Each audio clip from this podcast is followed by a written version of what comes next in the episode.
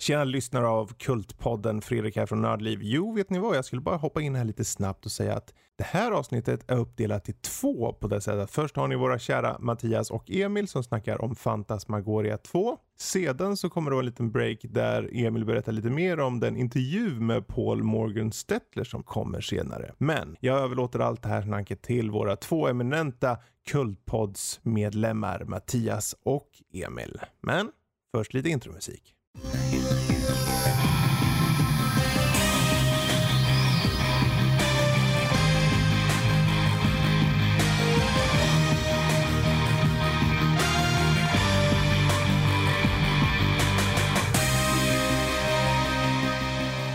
Hej hallå där och välkomna till Kultpodden, en del av Nördliv.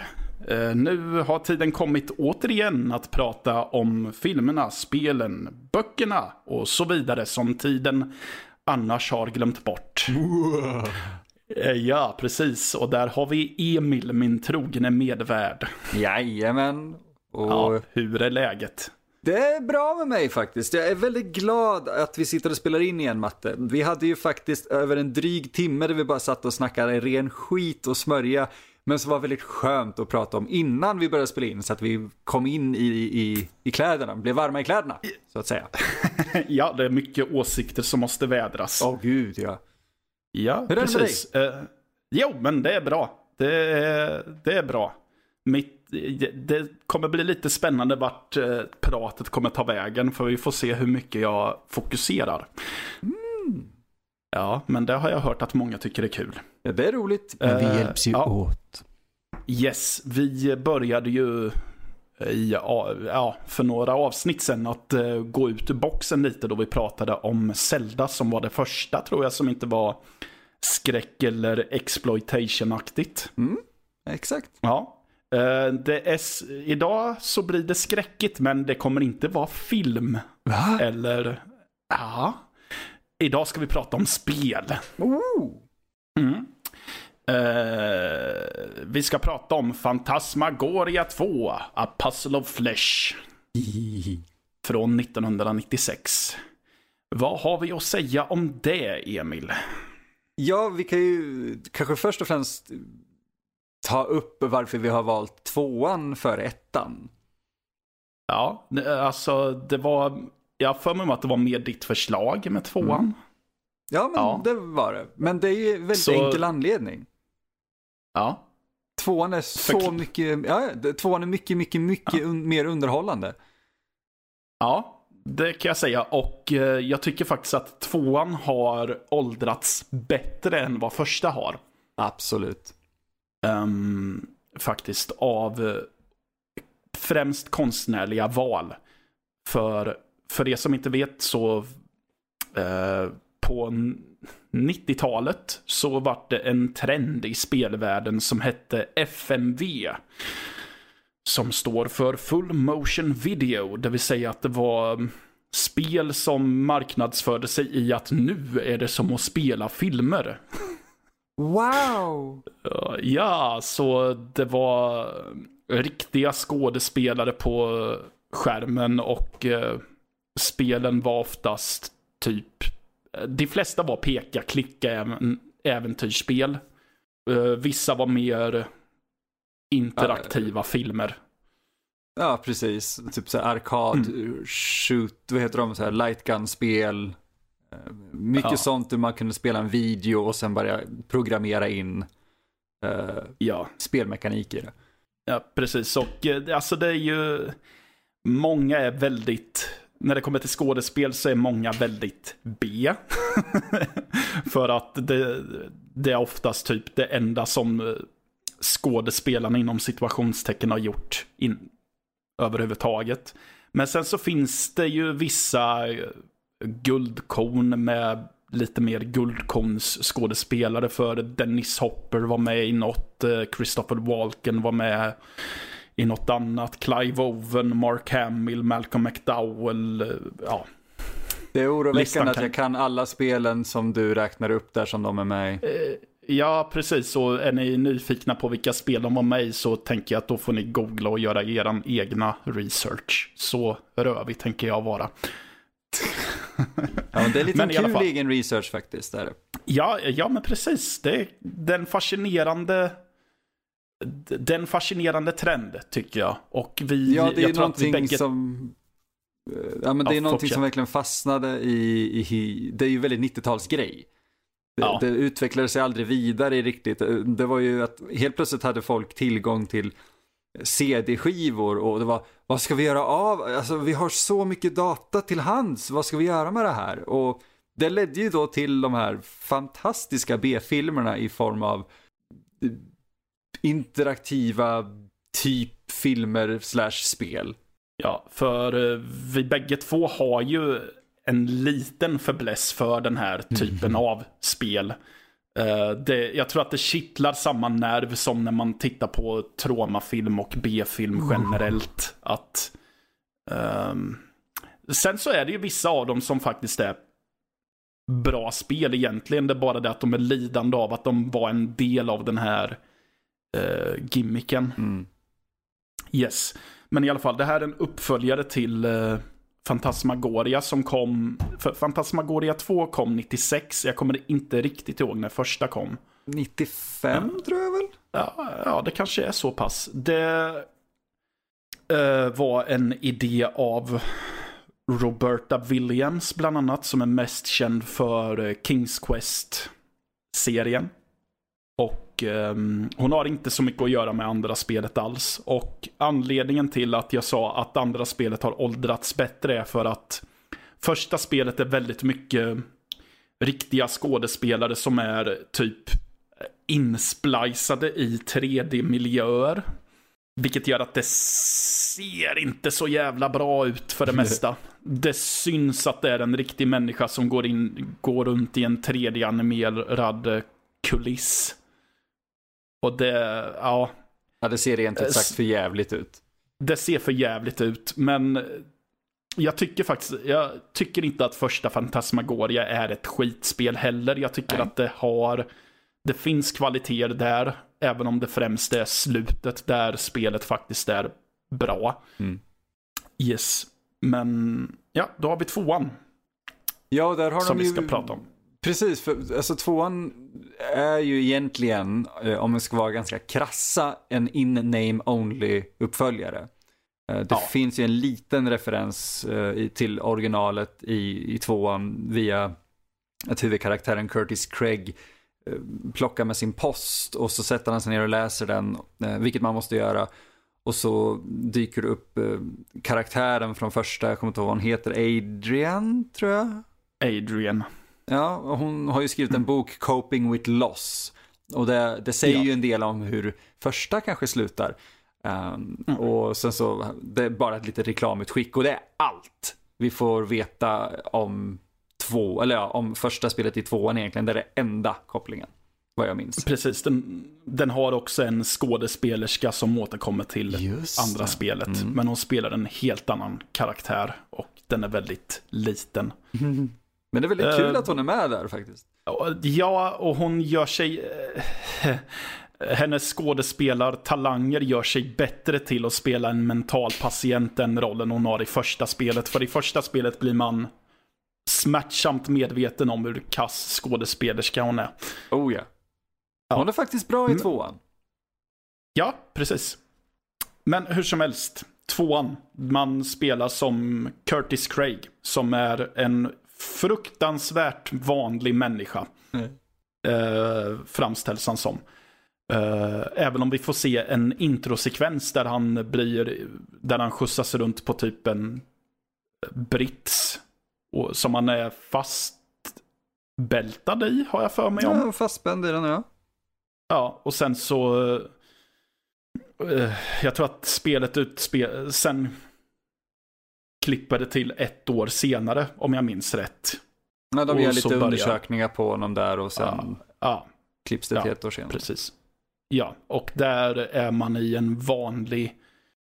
Då får man ta del av Curtis vardag. Man samlar ihop sin post och man ska gå till jobbet. Och Det är en extremt Ja. beige vardag. en extremt beige vardag. Man, han jobbar på ett företag som heter Wintech som är jag inte riktigt har förstått vad de gör för något. Nej.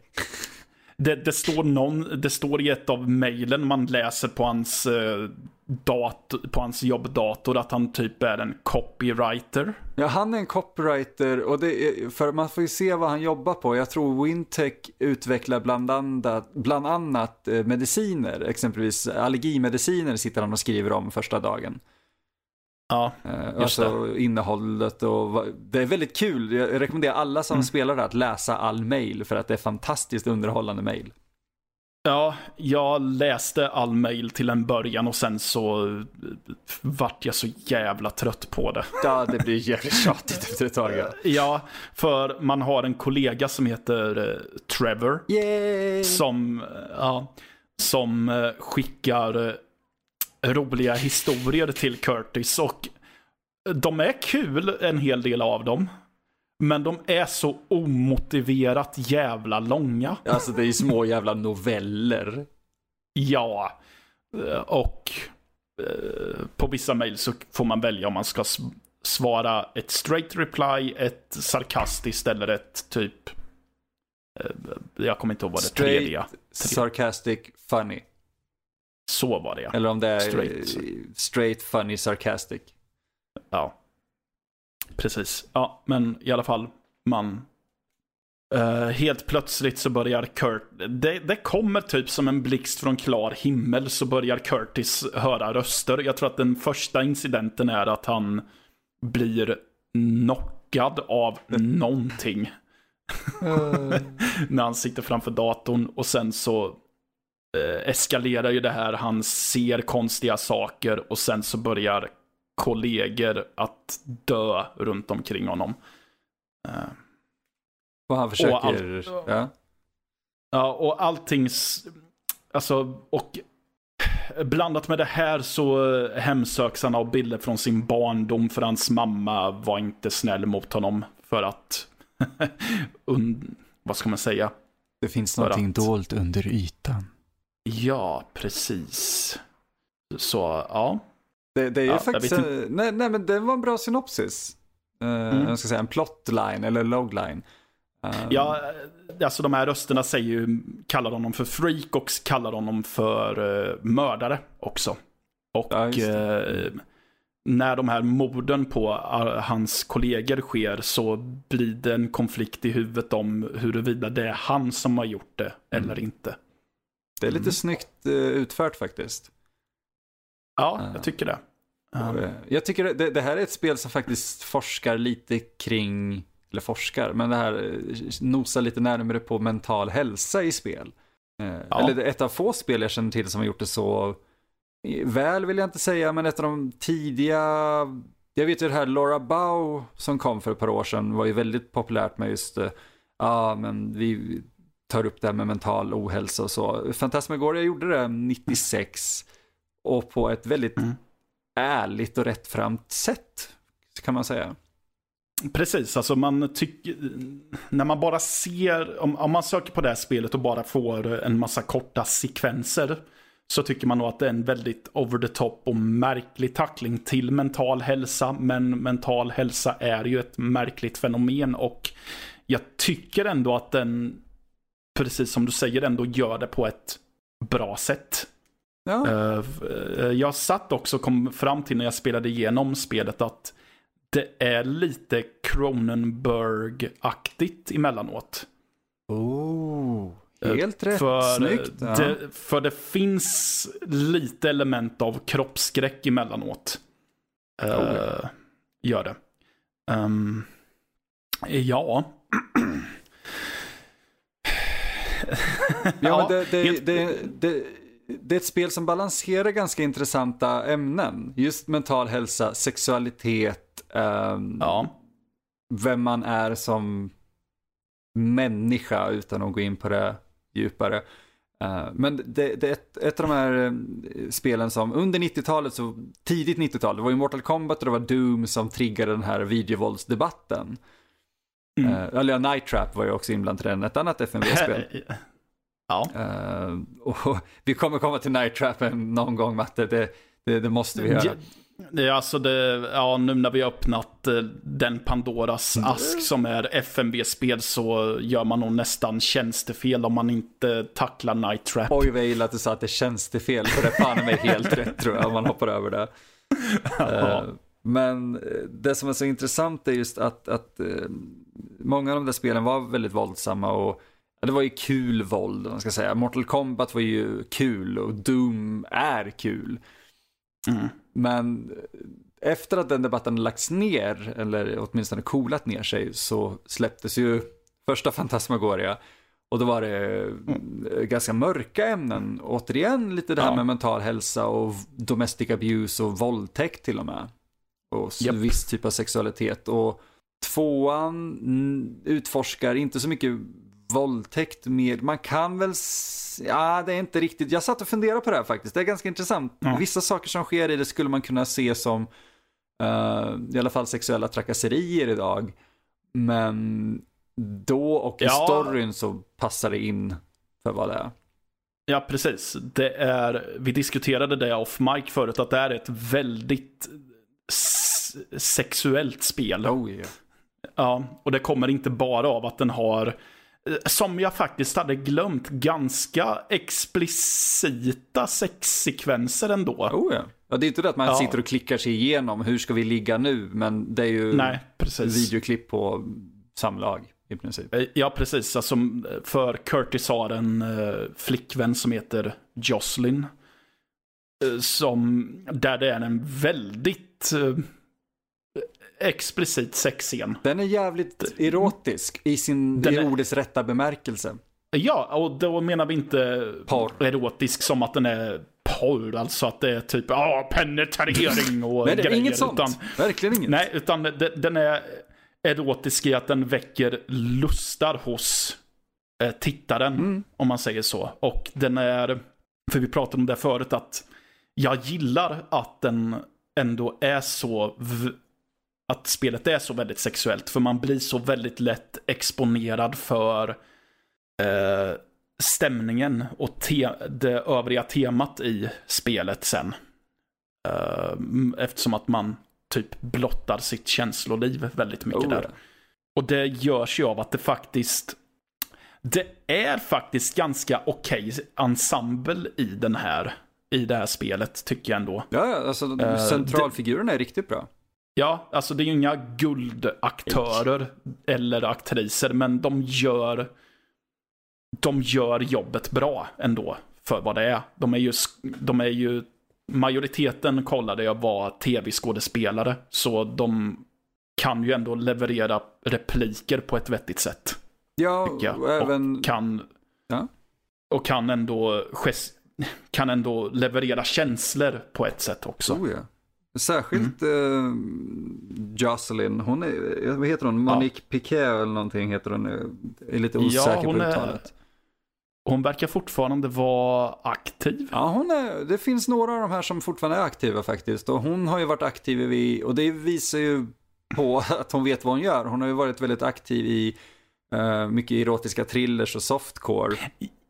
Ja, Eh, det tänkte ju säga det att mycket är eh, erotiskt. Oh ja, fortfarande inte pornografi, det är alltså inget grafiskt och explit, men det, eh, alltså återigen, innan ordet förstördes, det är faktiskt erotik. Det är de facto Ja. erotik. Ja, Ehm, Och hennes, eh, hennes karaktär är ju den ändå minst på ett sätt ändå den minst erotiska karaktären. hon är väldigt återhållsam, väldigt eh, blyg ja. av sig kan man säga. Precis, för Curtis har ju, ett, har ju en annan kollega som heter, för han jobbar på samma ställe som Jocelyn. Ehm, eh, det finns en eh, annan tjej som heter Therese. som är ännu mer, eh, som är väldigt erotisk på ett sätt. För att hon är, hon skickar eh, kärlek, eh, hon skickar vykort med väldigt sexuella inviter till Curtis. Eh, och det kommer ju, hon hymlar ju inte med det sen. Nej, gud nej. Hon står ju för, eh, gör. Ja, för en märklig grej man faktiskt... Jag tror att man måste göra det för att komma vidare i spelet. är att man ska gå runt och visa foton för sina kollegor. Ja, Ja, det är lite skumt, men ja. ja, och då visar man ju bland annat det här vykortet som man precis har fått i brevlådan av någon främling. Och hon säger direkt att ja, ah, det här är jag. Wanna know a secret? It's from me. Ja, precis. Och ehm, det kommer ju... Hon kan ju gå så stenhårt på det eftersom att hon vet ju inte att Jocelyn och Curtis har ett förhållande för Curtis vill tysta ner det lite på arbetsplatsen. Fast både Men ja även- och nej. Eh, Ja, för när hon får reda på det så säger hon typ, ah, jag bryr mig inte. Ja, exakt. Det är ju Ja. det är just det där, I don't care. Man bara, ah. Ja. Mm. Och, och Curtis är ju ganska villig till att sen faktiskt, spoiler, bli otrogen. ja, och inte så lite Ja. otrogen heller. Ja, men det, det är ju spännande för Therese är ju intresserad av eh, BDSM. Också väldigt väl hanterat i mitten av 90-talet. I ett spel. Ja, Alltså det är inte, Precis. det är inte så här, åh vad konstigt, vad weird, utan mer, det här är en subkultur inom typ sexualitet, häng med. ja. Precis. Ehm, ja, ja. Det är väl så här. Vart ska man ta vägen mer? Jo, men jag, kommer på vart man kan ta vägen med det här faktiskt. För att det, är, Ja. just för att han är så beige så hamnar vi ju i en värld som, eh, om man då ska säga då, en beige människa kanske inte var van vid på 90-talet. Eh, Typ BDSM och den här typen av sexualitet som är väldigt uttrycksfull och så. Eh, och det tycker Ja. jag är fascinerande. Samtidigt som vi, och jag vågar nästan garantera, eh, introduceras till den första öppet homosexuella karaktären som är hanterat väl och Mm. en av de absolut första instanserna som jag känner till i alla fall av en homoerotisk relation som i alla fall hintas extremt starkt till genom hela spelet. Mellan då just Trevor Ja, och precis. Curtis. För Så- men det är Ja, något så här, för- det är inte bara ett triangeldrama, det är ju en kvadrologidrama. Ja, för precis eftersom att, han, eftersom att han har ett förhållande med Jocelyn, men han är också ändå attraherad av Therese. Så ha, har vi ändå just den lilla twisten att han dessutom är, känner en väldig dragning till Trevor. Som Emil så fint sa är en homosexuell karaktär. Och de har inte hanterat det i att han är jätteflamboyant och jätteöverdriven, utan han, de behandlar det väldigt naturligt tycker jag. Sen att det kommer Ja. fram väldigt tydligt. Men det är bara för att han i förbifarten säger. För Curtis frågar hur gick dejten igår kväll? Ja, men han verkade intressant. Och det, det är typ det att man bara konstaterar att ja, han sa han. Okej, han är homosexuell. Hmm. Så det är inget Ja, de han, han väl- är... det är inget de vältrar Nej, han är sig flamboyant. Han, vad sa du? Han är flamboyant och, och så, men det är, in, det är inte det hej hej girlfriend, utan... Nej, nej, nej. nej precis. Alltså den... eh, alltså naturligt flamboyant kanske man ska ja, säga. exakt. Jag, jag, jag köper det. Jag, det är inte en schablon. Nej, det var till och med så att jag började fundera på om kanske skådespelaren själv är homosexuell. Men det, vet, det Ingen låter jag vara osagt. Ja. Nej, och det spelar ju ingen roll heller, känner jag heller för den delen. Nej, men han gör ett jävla bra jobb som skådespelare. Han och Curtis relation är och interaktion mellan varandra gör mig så lycklig varje gång jag spelar. Jag sitter och ler varje gång de två pratar med varandra. Ja. Ja, och just den här insikten av att han eventuellt, eller att han i alla fall verkar vara bisexuell. Och att han eh, är väldigt sliten mellan de här tre. Sen dessutom blandat med alla hjärnspöken och grejer han, uh, han utsätts för så är han ju i ett stadie av förvirring som även smittar av sig på spelaren som har som för spelet lever mycket på att den mycket på att drivkraften till att komma vidare är förvirringen i vad fan är det som händer. Mm. Så man spelar vidare för att faktiskt få lite klarhet i att okej, vad, vad är det som försiggår? Jag fattar ingenting. Nej, då spelar jag vidare. Ja, men de hanterade snyggt och, och allting är indelat i kapitel. Eh, så att det är ju snygga eh, cliffhangers och sådär. Och alltså det känns ju som, jag vet att vi har sagt att det hanteras väldigt snyggt och att det är väldigt bra utformat och det är det. Men på sina ställen och det här med all respekt och charm i världen och så, så känns det ju definitivt som en, eh, du vet, mid-90s, kanske early 90s cable erotic thriller. Ja. Det känns verkligen som att det är någonting du ser på Cinemax klockan 23.04. Yes, och utan att bli alldeles för spoilerig egentligen så känns det som att de även har kikat lite åt eh, Arkivex-hållet. Åh gud ja! Ja, för, det, för det kommer in på lite, eh, det, det kommer ut lite utomjordiska grejer och eh, lite om massiva företag som tystar ner grejer. Det har en härlig Kom. blandning av övernaturligt och sci-fi.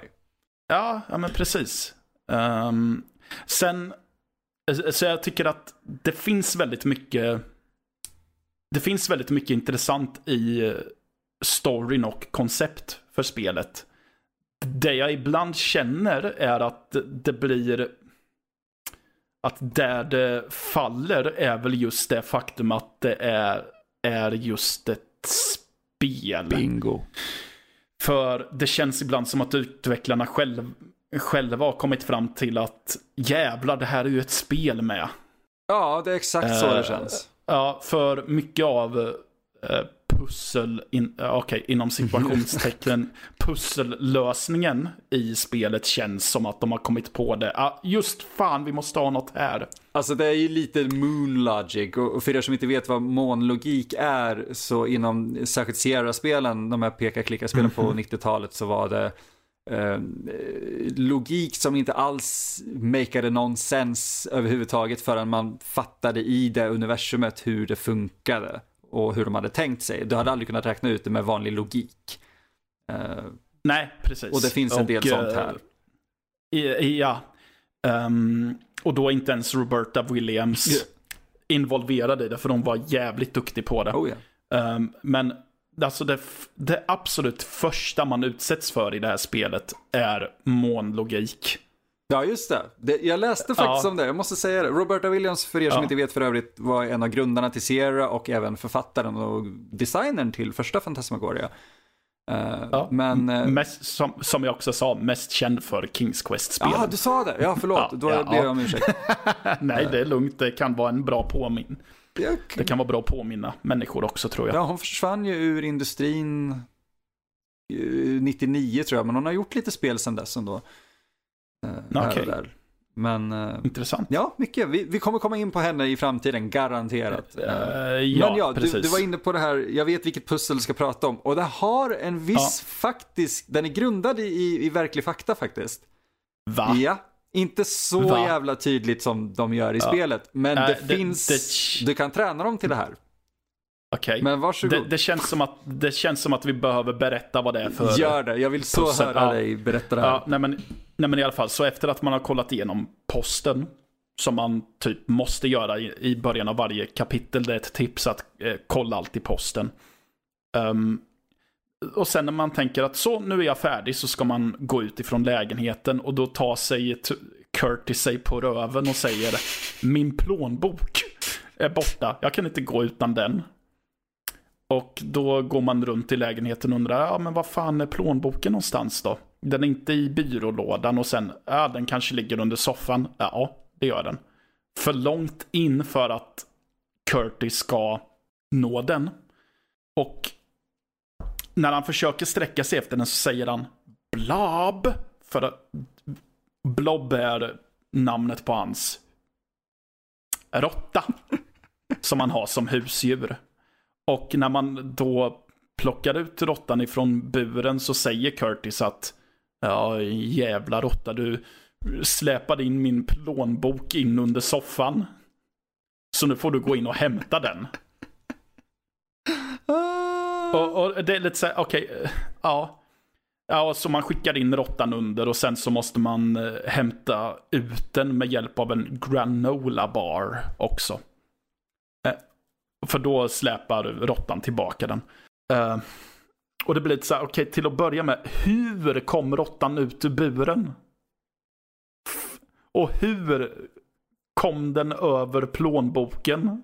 Och jag får inte ihop att en råtta släpar in en plånbok in under soffan. Nej. Men tydligen så kan du träna dem till dem. Eller vad sa du? Eh, Det, det här, alltså jag läste bara någonting väldigt kort om det just för att jag blev så fascinerad över det här. Och jag har ju sett det här så många gånger, just för att jag spelat spelet så många gånger. Och då blev Ja. det så här, ja men om vi nu ska prata om det så vill jag ta reda på lite mer. Och tydligen är det så att du kan träna den här typen av råttor, jag kommer inte ihåg vad det är för råtta, ursäkta.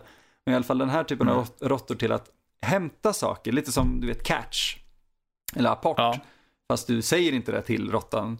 Men eh, det, den kan hämta saker på kommando. Jag vet Okej. inte om den kan, du vet, sno din plånbok som en trotsig tonåring, kasta den under eh, eh, soffa och sen typ bli kvar där under. eh, Och, eh, alltså det är ju det, hur fan kom den? Den, den tar ju sig ur senare i spelet också, ur sin bur. Ja, Men jag vet inte varför den skulle åt plånboken. Vad fan, vill den äta 20 eller vad gör den? Jag fattar inte. Ja, nej, precis. Det här är ju ett sånt exempel där det känns som att de tänkte att, ja men vad fan, vi kan väl inte bara ha att det bara är att gå ut ur lägenheten och sen till jobbet. Nej, det introducerar ju alltså pusselmekaniken, men på ett halvklumpigt stapplande sätt. Ja, men grejen är också den att det här spelet har, eh, okej, det är inte så mycket pussellösning i spelet egentligen. Nej. Det går att spela igenom spelet ganska fort för det vi... Okej, nu har jag spelat igenom spelet ganska mycket men... Det är vid få tillfällen du faktiskt kör fast på grund av pussel Det är egentligen. egentligen bara ett tillfälle tror jag. Ja, alltså okej. Det, det första vi pratade om nu, det kan jag se att där kör nog folk fast. Och sen är det vid de tillfällena man ska skriva in lösenord på datorer möjligen. Ja, har man inte varit riktigt uppmärksam, särskilt i mejlen, så då Mm. blir det jävligt svårt. Precis. Och eh, annars så tycker jag att det mesta är typ straight forward. Ah, just det. Och sen ibland kanske man glömmer bort att det går att kombinera saker Det i är överjävligt. Eh, inventoryn. För att det, det var lite knöligt i det här spelet. Mer än vad jag kommer ihåg. Mm. Man får ingen För bra att- tutorial för det heller. Nej. Nej, nej. Alltså eh, den här genren hade väl aldrig en tutorial. Nej, Om du inte hade, om du inte hade manualen. Nej, manualen är ju jättebra att ha, men jag tänker första Fantasmagoria som vi kommer prata om någon gång har ju en Ja. eh, hintkeeper. Ja, Han just det. är En, jävligt hjälpsam. en dödskalle. Som har typ världens sexigaste dödskalleröst. Jajamän. Ja, Murray slängde i väggen. Oj, ja, ja, ja, jag älskar Murray. Ja. Men, men Ja. det blir verkligen... It's a key. Va, åh, vad går den nyckeln till? Precis. Eh, här är, har Ja. du ingenting, alltså nada som kan guida dig. Nope. Inte alls. Uh, vilket är irriterande ibland om man har missat någonting litet för uh, man den tar sig också, spelet tar också en karta där du kan förflytta dig mellan olika destinationer. Och ibland så får man inte gå till vissa platser för att du har, har inte gjort färdigt allt du ska göra än. Har man missat någonting så är det så jävla irriterande över att man inte kan gå vidare för det är ofta man tänker men vad kan jag möjligen ha missat? Och det är ofta en liten skitsak som, eh, alltså, ja, du måste läsa det här mejlet. Eller någonting. Och, Ja. och det, jag hade problem också med att mitt eh, spel kraschade. Särskilt första kapitlet, ja. Eh, jag vet inte vad det var för fel. Det här, alltså mitt första kapitel kraschade fler gånger än när vi spelade igenom min fysiska kopia där vi var tvungna att byta skivor. Ja, ja, ja, ja min, min precis. alltså, digitala GOG-version kraschade fler gånger än den. Och bara under första Ja, eh, kapitlet. jag- Ja, Jag körde på Steam-varianten och Ah. den flöt på fint. Ah, Det nice. var inga bekymmer någonstans. Det är bara en gripe jag har, för jag har testat GOG-versionen. Eh, på, jag tror att jag fick testa det på din dator vill jag minnas. Mm. Eller om jag kanske lite oärligt inom situationstecken lånade din GOG. Ja, just det. Det har du fått göra, ja. Ja. Mhm. Ja, Det, det är fortfarande mer Eh, okej. Ja, och Steam-varianten lider av samma gripe och det är att viss, dial- Ja. viss dialog är borttagen. Rösten i uh, cutscenesen är kvar. Men det är just uh, de här rösterna som man har inom situationstecken in-game mm. är bara textad. Det är så synd. Ja, det är jättesynd är det. Den är med i um, CD-versionen men ja, inte... Ja. Vi, vi, då missar men... man klassiska lines som You're such a pretty girl, blob. Ja, precis. Nu får man den utskriven istället. Det är inte alls lika skärmigt. Inte för fem Nej. öre. Eh, men vi, jag kan ju redan nu säga att jag på ett sätt vill jag inte rekommendera folk att köra CD-versionen. Nej. dels för att, ja, lycka till att få tag i en kopia. Ja, det var svårt. ja, eh, och sen är det ju just det att de här den här gimmicken gjorde ju att de pushade ju väldigt mycket hur, eh, hur mycket som fick plats på mm. CD-skivorna när det begav sig. Vilket gör att ibland så räcker det med att bara gå in i ett enda rum så måste du byta skiva. Bara för att kolla ja. om du har glömt någonting i rummet. Ja, och det är ju så jävligt att ibland går man in i ett rum och konstaterar att äh, men fan jag kanske glömde något i det förra. Ja, då måste du byta skiva igen. Och första gången vi spelade igenom det här så spelade vi på Emils fysiska utgåva av det här. Det här var innan Goggy ungar. Ja, det var det. Och ja. Eh, och ett tag var det ju väldigt svårt att spela de här spelen på moderna datorer ja. för att man faktiskt var tvungen att dumma ner datorn för att kunna spela de här. För att... CPUn kunde vara för snabb. Ja, precis. Jag vet att, ja, nu vart det lite sidetrack här, men det finns ett spel som heter Black Dahlia. Jajamän. Ja, där var jag tvungen att gå in i jag vet inte vad det svenska uttrycket är. Binary. Åh oh, herregud, binary code, ja. binärkoderna. Uh. Ja, jag var tvungen att gå in i binärkoderna och ändra. Herrejävlar. Ja, det var det som fick mig att känna att jag ska nog installera det här på den datorn jag är mindre rädd om. ja, man behöver en skitdator. Alltså, e- egentligen, ja, gå, gå, till en ja. second hand butik och köp en gammal Packard Bell-burk, alltså en vit jävel, som middle tower med en 4-3-skärm och installera skiten på en ja. 95 Ja, Eh, ja, och de använder ju sig av, de flesta spelen använder ju sig av quicktime för att spela upp videofilerna. Så man måste försöka få sin dator att, jo men acceptera den här typ första utgåvan av quicktime någonsin. Snälla gör det. Det, det funkar ta mig fan all, Jag vet inte vad de har gjort alltså på Good Old Games, men de har ju lyckats få det mesta att funka relativt felfritt. De har ju, alltså det, det, är ju skamligt vad dålig man själv är på teknik när de får det här att funka. Ja, precis.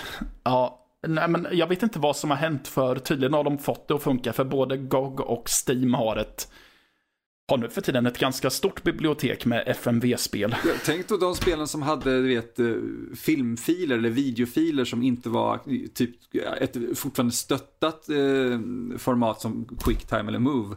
Utan de här som mm. hade egna format. Som de ja. bara hade på sitt bolag. Jag kommer inte ihåg några, typ Corridor 7 hade sånt tror jag.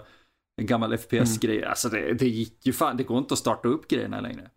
Nej, jag tror att uh, det är väl en sån anledning som gör att typ uh, att spel som typ Ripper med Christopher Walken bland annat. Ja, nu fick ni svar på det i alla fall. Och um, Black Dahlia inte är så tillgängliga. Nej, jag har ju ett fysiskt Black Dahlia, men jag... jag, jag... Har du? Ja, ja, det står här på hyllan. Ja, det... Jag hittade ja, samtidigt som jag hittade Blade Runner som jag gav till dig. Ja. Ja. Ooh, ja. ja, det är jag evigt tacksam för. Men jag vill inte spela fysiska Black Dahlia. Nej. Jag spelade, en, jag spelade en oärlig version av det, så jag var tvungen att med hjälp av Demon Tools sätta i åtta åtta virtuella CD-skivor med jämna mellanrum. Men kom... ja, på riktigt, det är, det är åtta jävla CD-skivor till det spelet. Det är fan galet. Jag minns ju när vi spelade igenom vår första, det var också en oärlig version av um, mm. Fantasmagoria. Första där. Ja, först. Uh, ja. När vi, vi satte in typ sju stycken virtuella drives i datorn. Bara för att kunna koppla upp så här, en skiva 1 på första och se- ner till eh, serie 7. Bara så att man slapp Ja. byta. Så att man bara skiftade drive men när man behövde byta skiva i in-game. Eh, alltså ni, ni hör, det var, ju, det var ju fan inte lätt egentligen de här spelen. Och det var jävligt Av bestraffande. olika, av olika anledningar. Oh, ja. ja. Ja, men Ja. i alla fall, tillbaka till Fantasmagoria. Eh, det jag skulle komma till är att det finns ju ett tillfälle till då man kanske kör fast. Jag vet ett specifikt, vilket tänker Ja. du på? Ja, det, eh, jag tänker på slutet. Jajamän, dra åt helvete Ja. vad jag hatar det slutet. Ja, det finns ett pussel där som... Ja, det, det är en maskin av något slag. Och eh, vi pratade om det. Jag ser inte logiken alls i det. Inte ens när jag satt med guiden och faktiskt gick igenom steg för steg så tänkte jag för mig själv att men vart, hur, va, hur ska jag lista ut det här? Jag, jag ser hur man kan göra det efter att man har misslyckats hundra gånger. Men det är ju mer av trial Ja. and error om man kan börja se ett mönster. Absolut inte som, du kan inte titta på det och sen, ah, så här ska jag göra. Ja, det, det är en grej som man kommer på. Eh, Och det är bara av att titta på det. Och det är hur sladdarna ska sitta. Ja, det är det enda. Det är det enda det är tydliga. det enda. Sen, ja, eh, som sagt, man ska flytta på komponenter och man ska skjuta någon laser och eh, man ska trycka på några knappar i rätt följd. Ja, det... Och gör du inte allt det här rätt så ställs det tillbaka till grund. eh, du måste trycka ur dig Nej, ur för att, för att kunna göra om det igen. Alltså jag, jag, så, så, jag var så jävla anal när jag kom till den punkten nu när jag spelade så att jag satt med en guide Mm. och, och verkligen vägrade göra fel. Jag satt också med en guide, men jag var ändå tvungen att göra om den två gånger innan jag fick den rätt. Fan. Eller tre, på tredje försöket fick jag det rätt. Jag, jag tycker synd om dig. Och det var för att jag hade typ läst slarvigt och missat en punkt. Eh, Något sånt. Jag, jag höll på att göra det, men jag läste texten så många gånger för jag vägrade spela om det där jävla slutet igen. Det är Ja. inte det ultimata slutet, men, men det, det, det är typ sista pusslet i spelet. Ja, precis. Sen så eh, ställs man bara inför ett val som slutar med, vill du ha det bra eller det dåliga slutet? Ja, och man... Fast, inte, fast jag vet inte riktigt om man ska kalla något av dem för bra eller dåligt. För det är lite så här, eh, jag vet inte vilket slut som är att föredra. Exakt, det är det jag gillar. Du får aldrig något svart Mm. eller vitt slut ändå. Nej, och jag tänker för, eftersom att spelet ändå är tillgängligt för folk att spela så tänker jag att vi kanske kan hålla på slutet i alla Jag fall. tycker vi ska göra det, för att det, Ja. det är ett spel som är värt att, att eh, upplevas eh, Mm. relativt naket. Ja, jag tycker det också. Alltså... ja, Förutom för det där sista jävla pusslet, för guds skull, hitta en guide. Och det finns många bra. Ja, ja. alltså jag brukar vara en sån när det kommer till den här genren att nej, man ska in i det sista undvika en guide, men här är det typ nej, fuck Ja. it. Kör en guide på det, det kommer inte gå annars. Många av de här peka-klicka-spelen var ju sådana. Som tur är så blir ju inte något av Fantasmagoria-spelen vad jag vet softlocked. Eh, Vad för något? Alltså att det, det blir unwinnable någon gång. Uh, första kan. Första kan det. Ja, det går att... Eh, jag råkade ut för det. Det kanske det gjorde. Ja, det var, jag kommer inte ihåg, men det var något objekt som jag hade glömt att plocka upp. och, det går att kom, och det går att komma till slutet där det typ, nej, alltså har du inte det här objektet så går det inte, du kommer att dö. Jag minns det där nu. Fan. Jag Och jag var, så, jag var så jävla arg när jag insåg att det var så. För, ja. Ja, Uh, ja, det, det är en migrän för Fantasmagoria 1. Men precis. Jag, eh, jag måste ju bara säga mer om produktionsvärdet i, i själva, man ska säga, filmen. Mm. Eh, ibland är det fantastiskt. Alltså, det som är, eh, slår mig mest är ju, du har ju en psykolog som du kommer till exempelvis. Ja. Eh, och får prata en del med, vilket är fascinerande för han kan ringa samma dag och få en tid samma dag. Ja, det, va, va? Ja. Menar du att det inte händer i, i riktiga livet? Eh, Hade det hänt så hade ju fan mina problem varit lösta sedan länge. Eh, men Ja. det, det är väldigt kul, men när han kommer dit så är det fantastiskt ljussatt.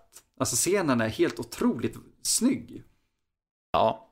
Du har fantastisk musik genom hela spelet. Eh, sist, som Mm. ändrar sig lite så här, väldigt spooky men subtilt. Och sista Ja. kapitlets musik låter som att ha ett skratt i bakgrunden. Här och där. Det, Ja, just det. Ja. Det är Mm. faktiskt jävligt spooky. Eh, Ja. Och sen kommer vi då till Curtis mammas jävla peruk. Det, det är det enda som känns som en parodifilm alltså från 90-talet. Det är ja, så uppenbart en blond peruk. Det ser ut som någonting jag skulle använda. verkligen. Jag tror ta Ja, mig fan våran Ja. peruk Unplanned var bättre än hennes. Men ja. Ja, men eh, ja. Ja, jag är nog villig att hålla med där. Men annars tycker Faktiskt. Ja, jag, jag Ja. tycker det är bra annars. Den har ju, det är ju jävligt snygga effekter tycker jag. Åh oh, gud ja, för det var 96 Eh, ja, är det och- fantastiskt och- snyggt. Ja, ja, jag tycker det. Och det här är ju, då snackar vi ju faktiskt gore-effekter. Åh gud, de är så snygga. Jag, jag, jag hade glömt hur gory det här spelet är. Ja. Det är verkligen eh, riktigt groteskt emellanåt. Ja, ja. Alltså vissa saker Ja. får en själv att rygga tillbaka lite grann fortfarande. Definitivt. Ja. Eh, så ja, jag, jag tycker att, ja, nej, men det, det har ett schysst skräckelement i sig ändå. Mm. Tycker jag. Eh, definitivt. Det är en bra mix av sci-fi, skräck och sexualitet i princip. Mm, Och mental hälsa. tycker det. Ohälsa. Eh, yes, yes, yes. Du har så rätt min vän. Eh, ja. Jag vet inte om det finns så mycket mer att säga om spelet egentligen. Alltså vi skulle kunna sitta och prata om, jag skrev tre A4-sidor som jag lagt åt sidan bara för att kunna komma så här långt utan att fastna. Men eh, vi, man Ja. skulle kunna prata länge om det, men det är också det som är så skönt med den här podden, den är kort. Ja. Och ja, som ni märker att det var inte så mycket detaljerat om just hur handlingen utvecklar sig. För att jag känner att det är just det att spelet vill göra spelaren förvirrad av en anledning. Så då känns det som att eh, om ni nu ska spela det här så tar jag den upplevelsen ifrån er. Och det vill ni inte. Nej. Eh, Men om man säger så här, Emil. Ja. Tycker du att folk ska spela Fantasmagoria 2 A Puzzle of Flesh Eh, från 1996? Förutom att det har typ en av de bästa titlarna någonsin, så självklart. Jag tycker definitivt. Det är groteskt, det är välskrivet, det är välspelat. Uh, spelmekan- det, där det brister mest är i spelmekaniken och ändå håller det. Ja. Ja, precis. Det, ja, och jag tror det kostar under håller med 100 där. spänn. Så att, för fan, gör det. Ja, det kostar typ, när det inte är på rea så tror, har jag för mig om att jag gav 80 spänn, eller 90 spänn för det Se tror jag. där. Eller 90 spänn. Det, den, Det, så under hundringen. ja, Och, och alltså, om ni vill sitta med en guide och bara få ta del av historien, vilket, ja men fine. Alltså den, jag tycker att den, den berättar, den gör intressanta grejer med historien som jag tycker att folk ändå ska ta del av. jag hade de släppt det här Så- som en film någon gång så hade jag tittat på det. Ja, så kan jag säga att det går att spela färdigt spelet på typ fyra timmar. Mm. Ja, gör det. Ja, fem, nej, fem timmar kanske. Fyra om du ish. är jävligt duktig. Jag, jag Ja. tror inte, jag, fyra och en halv tror jag att vi skulle kunna ta oss igenom det på. Ja, jag, ja, jag spelade klart det på typ fyra eller fem timmar. Jag var, av någon anledning var jag jävligt snabb.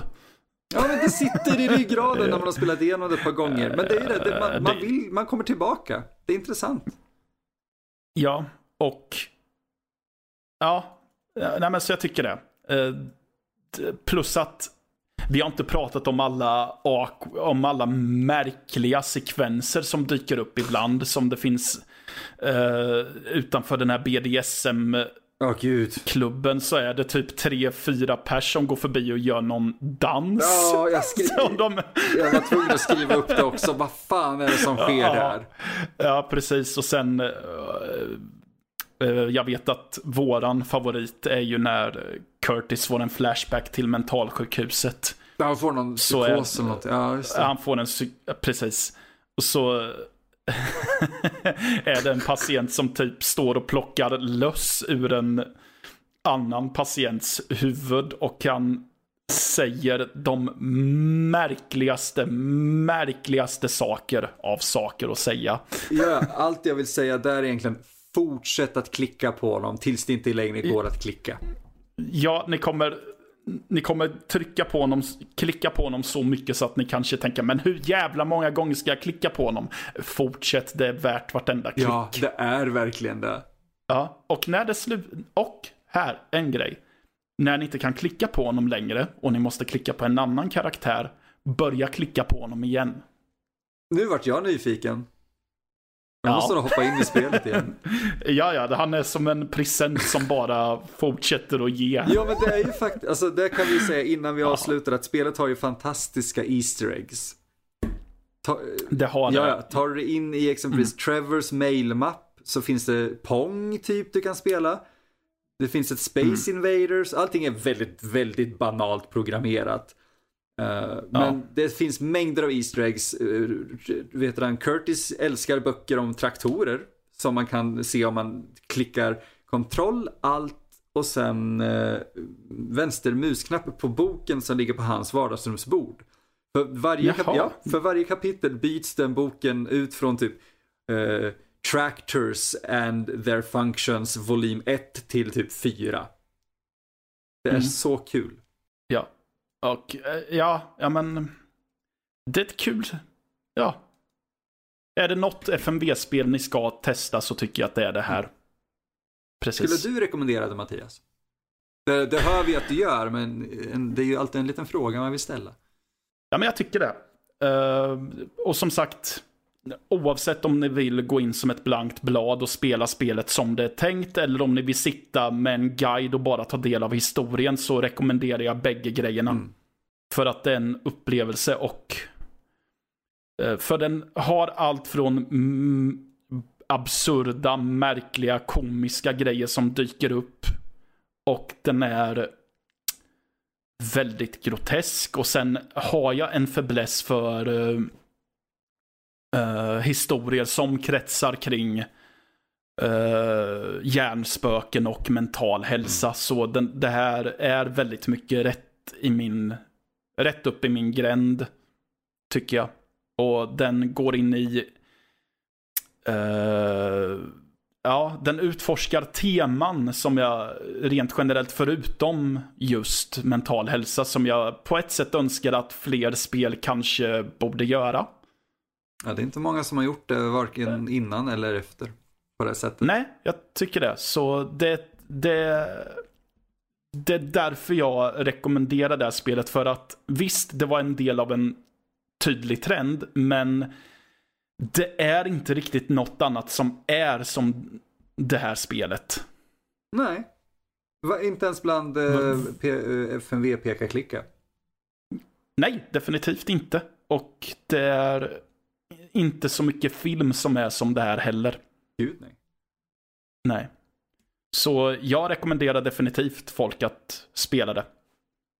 Nice. tycker jag. Ja, och kom utifrån eran, era negativa uppfattningar om 90-talsspel. Ja, gör det. För att Ja, Steam och GOG har lyckats uppdatera de här till att funka riktigt bra. Så att när de funkar bra nu, det finns ingen anledning till att inte försöka sig på de här. precis. Ja, det var det vi hade kunnat... Vi går in till ett avslut Ja, jag jag. Det är, det. inte så mycket Nej. mer, det är inte så mycket mer att säga om det här. Nej. Och jag hoppas att ni fann det här underhållande. Det kanske varit lite svamligare, lite osäkert. För att vi tacklade ett medium vi inte är så vana vid att prata om i den här podden nu. Ja, hur som helst. Eh, Var kan de hitta oss Mattias? Ja, precis. Ni hittar oss enklast på nördliv.se eller nordliv.se. Vi, om man... Äh, äh, ni vet internet, går inte att skriva ö.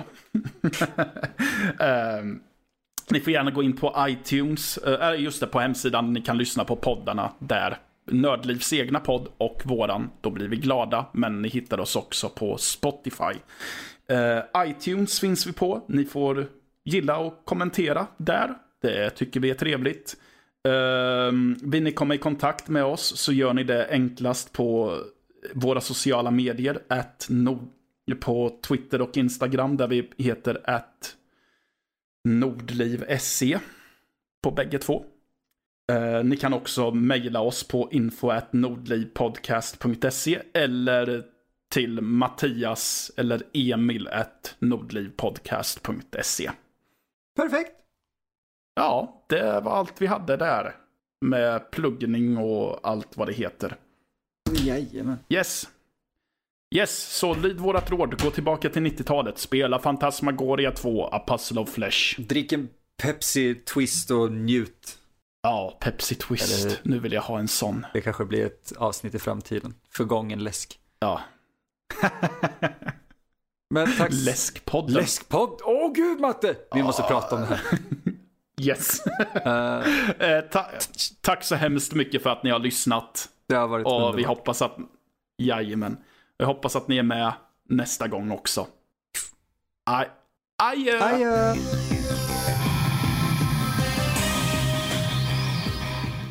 Kära lyssnare, tack så jättemycket om ni har suttit med hela den här vägen till slutet av själva avsnittet, men inte riktigt över än. Om ni är nyfikna, och jag, jag vill gärna påpeka att ni bör vara det, så har vi en liten bonusgrej här nu och det är en intervju med Paul Morgan Stettler. Alltså mannen som spelar Curtis Craig, alltså protagonisten i just Phantasmagoria A Puzzle of Flesh. Eh, Paul var så vänlig att ge oss en timme av hans tid. Så att jag, eh, tyvärr inte Mattias med, men så att jag och han kunde prata på tu man hand över Skype. Eh, det var en jäkla tidsskillnad att få in eh, och allt skulle funka och klicka. Men vi har lyckats få ihop det nu. Eh, tack så jättemycket för ert stöd och att ni lyssnar. Det gör att vi har den här möjligheten att helt enkelt spela in coola intervjuer med folk som i alla fall jag själv tycker är rätt coolt att höra ifrån.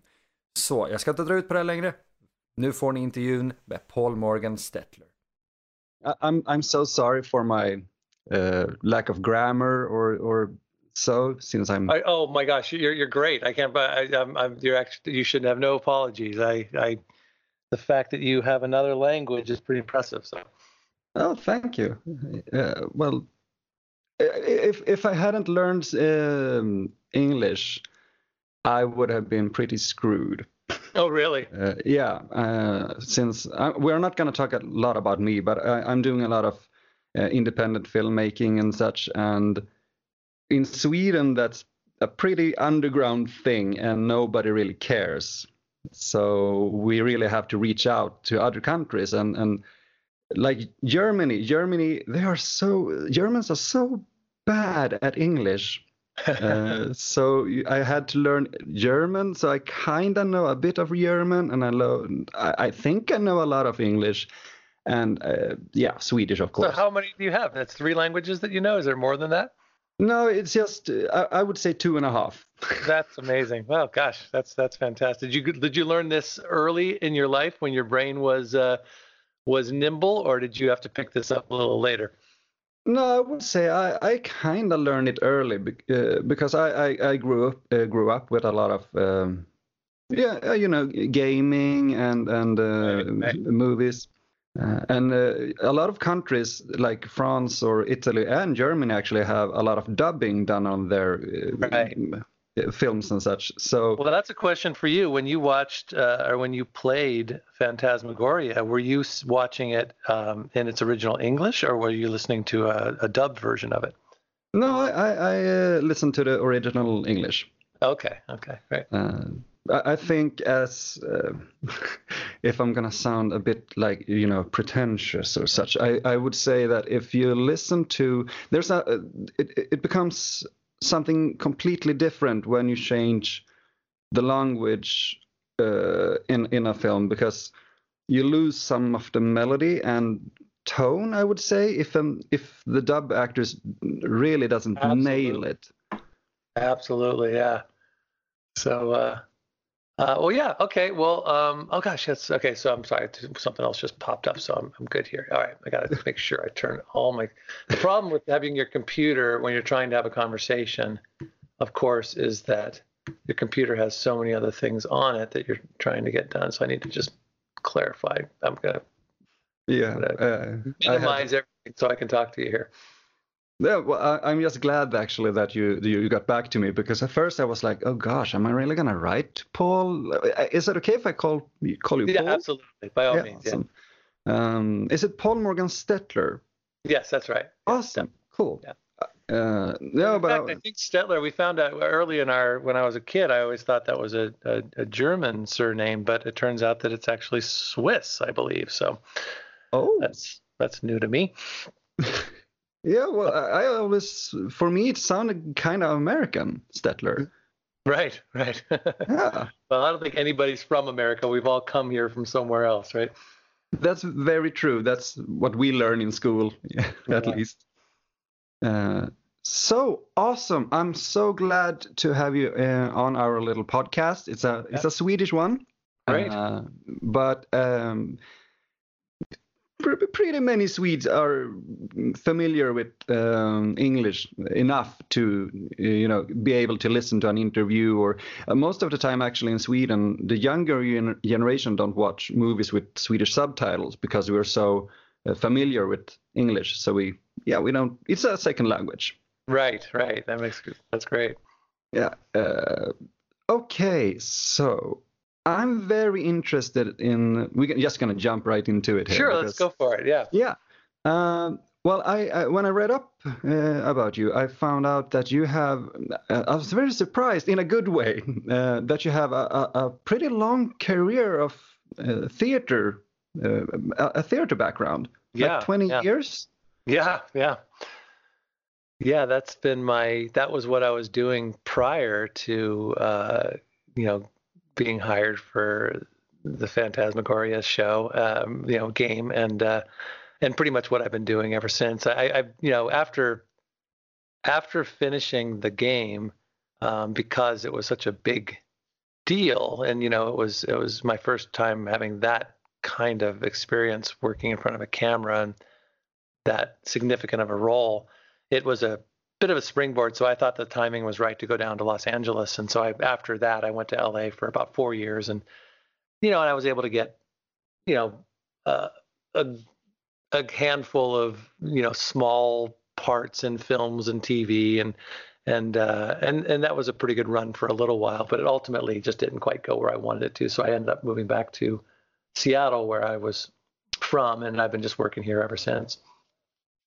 Yeah, because I when, I look at your IMDb, I don't know if that's a, complete list of the films or shows or series that you have done, but uh, you've done some of my favorites. You have done uh, a big one here in Sweden, actually. You did Buffy.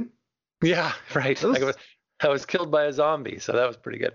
Oh well, isn't that kind of well? Me as a horror fanatic, it's kind of cool being. Everybody wants to be murdered by a zombie. Exactly, exactly. I was I was a it was again a very bit part. I had like you know, you know I probably had 30 seconds or a minute of screen time, and then that got cut down to about you know even half of that. But uh, oh, I was I was a doctor working on a burn patient, and the burn patient came to life as a zombie and ultimately killed me for you know, and, and it began the the zombie apocalypse kind of thing. Is that something that you uh, would have in your show reel? Right, I should have that, right? Yeah, well, it's kind of cool. Um, uh, well, I think people are going to be very familiar with you um, via Phantasmagoria, of course, and and uh, the, I, I think you hit the right notes uh, with our audience uh, by being in Phantasmagoria and Buffy. So you know you're very welcome over here. I can say that. oh, that's funny. That's funny. Yeah, but um, you have something else going on now that I found very interesting. I've been watching a few uh, videos of it. Uh, something called Letters Aloud. Would you Right. like to tell me something about that? Sure. Yeah, it's a um, it's a pet project that I I created about five years ago. Um, I you know I come from a very literary background. My father was an English professor, and I you know before I got into uh, acting, I you know I, my undergraduate degree was in English literature. So it's something I've always you know I'm a bit of a nerd in terms of, of literature and all that.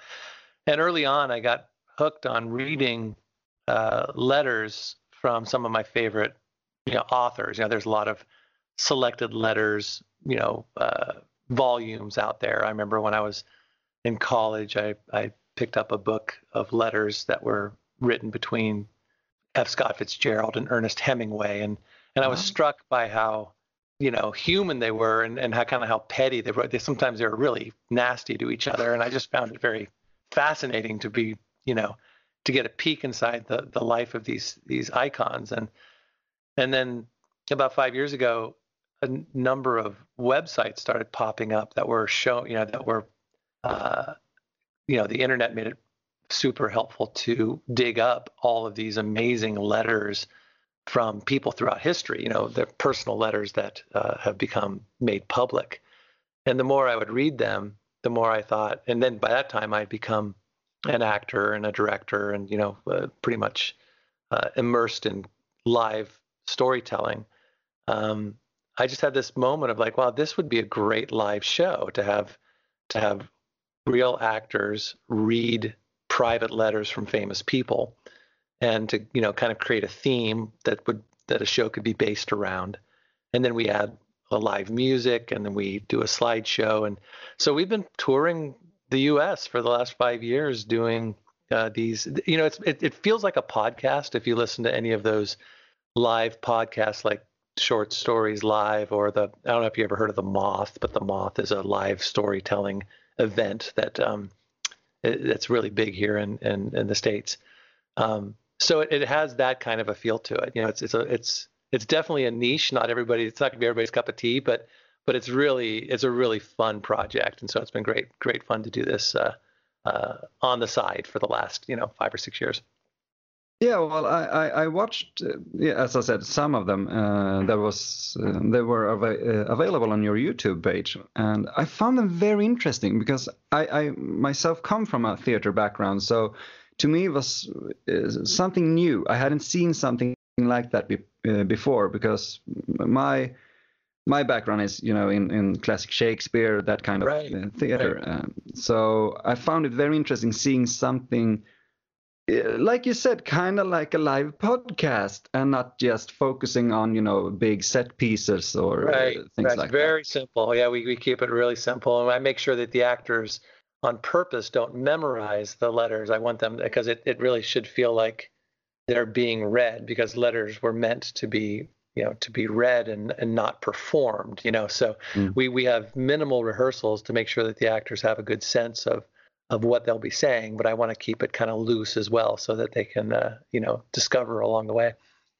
That's great. I, I really love that process. It sounds awesome. Uh, Thank you. Yeah, no, it's been really, it's been really great. And we're, you know, we're we're a small company, but you know, we're we're keep, you know, we're we're growing, and I, I don't know how big this will get, but it's been really fun to fun to see it grow so far.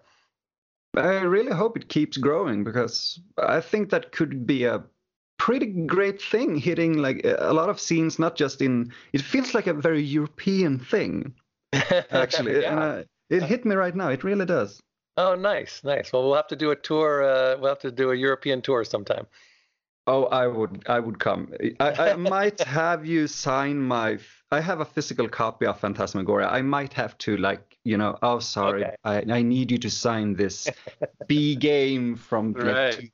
20 years ago but well, tell me about, you know, it's funny. I, I, um, you're the first person I've actually talked to. I mean, I haven't tried to be uh, too aloof about this, but you know, over the years, um, it seems like every few years, a new wave of um, something happens where this game gets gets um, rediscovered or somebody does something online with it so that people look at it again, and then I get this wave of you know, people reaching out to me, and it's usually really kind, and they're the people talking like yourself, saying that it's a game that had an effect on them at some point in their life, and they they remember it fondly. Um, I'm curious because I'm not a gamer. You know, I was an actor for hire. This was something that plopped in my lap kind of at the last minute, and uh, and so I looked at it more as an opportunity to act in a. It felt like a movie to me. It was a strange kind of movie, but but it felt more like a, you know, I, I, my job was to create a, a believable character under these circumstances, and so I was just focused on that. So it's very interesting to to me that so many people were affected by it, and because it was a game, I'm just kind of curious, what is it about this particular game that that affected you, or you know, what is it about it that that you want to go back to and and uh, and that you you remember after all these years? This is actually I love that you're asking me things because I'm not I, am not a big fan of the you know interview thingy really because I like a conversation. Sure, so this yeah. is this is very uh, amusing to me. Not amusing. oh. Um, well, the thing that makes me come back to Phantasmagoria is uh, well. To be specific, it's it's the second game in the series, uh, because the first one is yeah, you know, it's a kind of campy, fun movie. It's more like a uh, uh, you go there, you laugh, and you have fun with it. Yeah. The second one, to me, uh, I, I discovered it. Oh my god, it was like ten years ago, I think. Right. Uh, I uh, I, I've heard about it uh, before, and then a um, a YouTube personality back then called uh, Noah Antweiler uh, posted a, a, a let's play, as it's uh, called, uh, and he played through the game, you know, uh, giving commentary while he was playing it, and I found it fascinating because Mhm. it was uh, since I'm more of a moviegoer or um, film lover, I I I tend to uh, stick more more to uh, FMV games, full motion video games, and such, Sure. um, because it's acting. It's more. I just find it more interesting. But the thing that Phantasmagoria did was a lot of things that no one would touch upon today, even. Uh, because you have uh, the relationship between Trevor and Curtis, uh, the la- relationship between Curtis and, and uh, Therese, and Mhm. Mhm. uh, and a lot of mental health actually. Um, Absolutely. That was that was fascinating to me. So when I when I um that part I I was I still think as you said I don't think people would would touch that material today. I mean it was such a strange uh it was amazing to me that that this big of a budget, you know, this big of a event that they were really creating.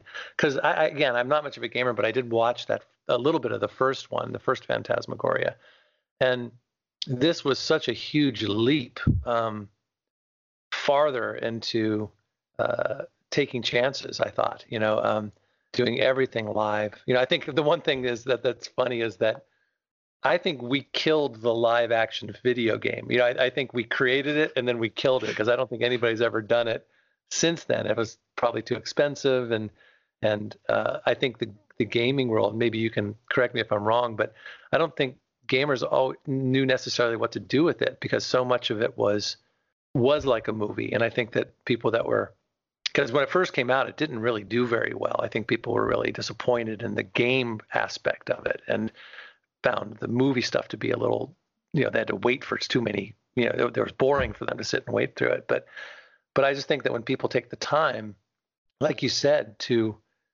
this story of a person dealing with his identity and and on so many levels, you know, his sexual identity, his orientation, his, you know, the split personality of of who he is and the sort of monster from within and um you know and then just taboo subjects like S&M and things like that that was crazy to be doing that at that time Yeah, especially in a game, but I think that was the right uh, medium to do it in because you, as a gamer uh, or a player, I'm not really a gamer myself, but when I play it, uh, when I play a game, I have, I have to make the choice. I have Right. to push myself forward.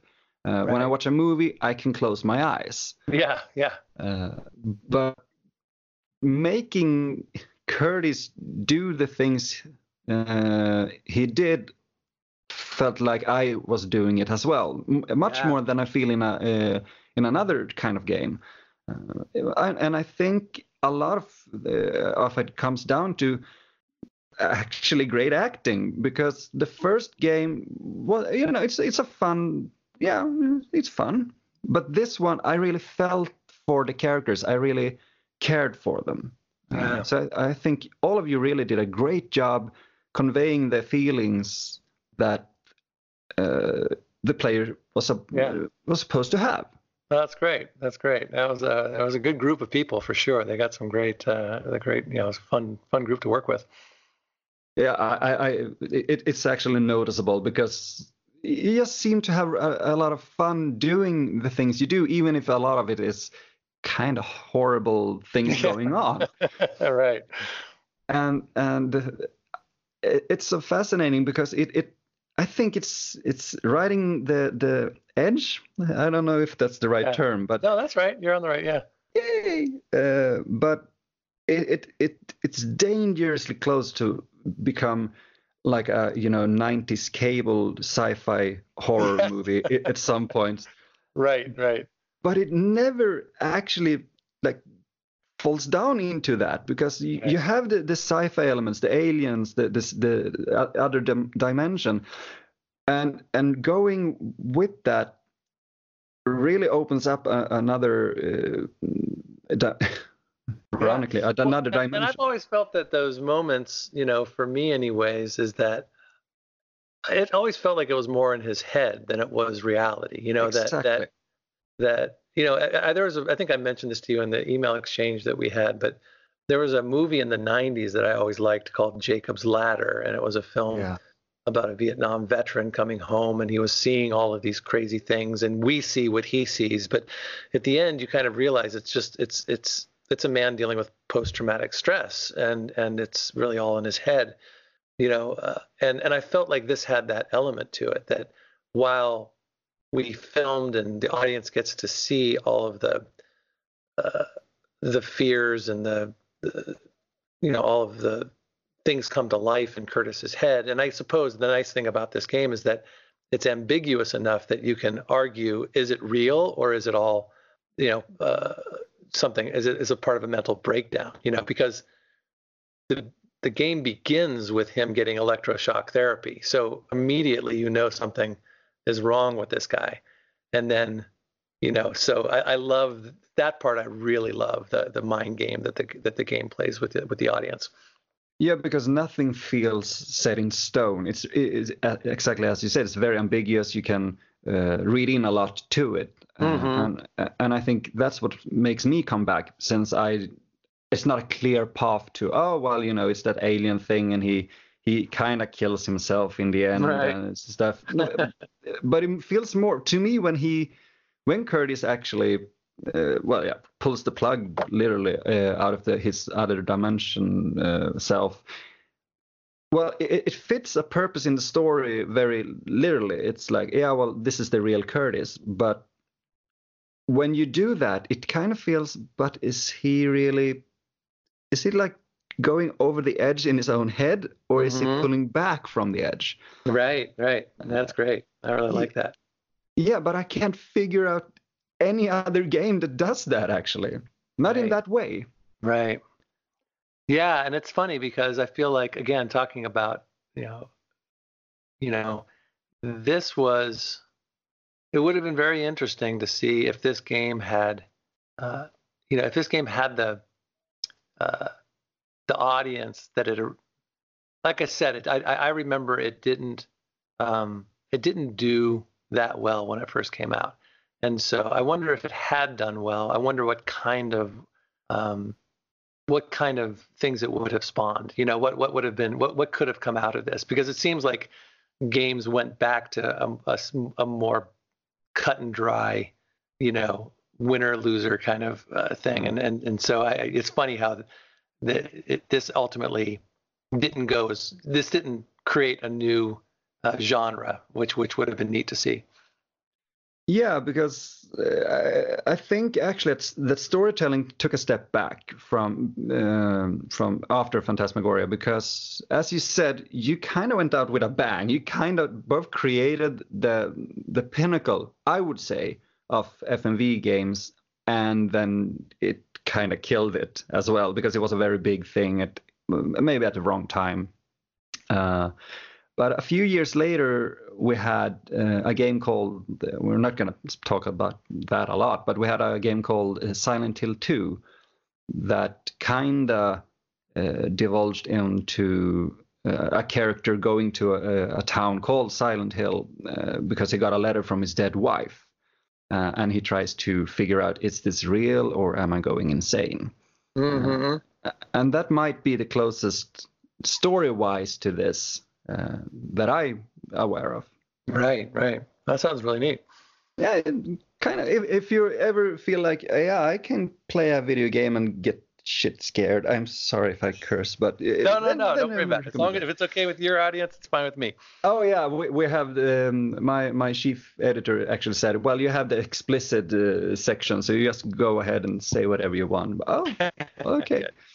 uh, well, okay. Uh, I know we had a um, we have already answered some questions in the email, and I'm very thankful for uh, those answers. But uh, the production, how was that? how was it production wise compared to a regular movie shoot?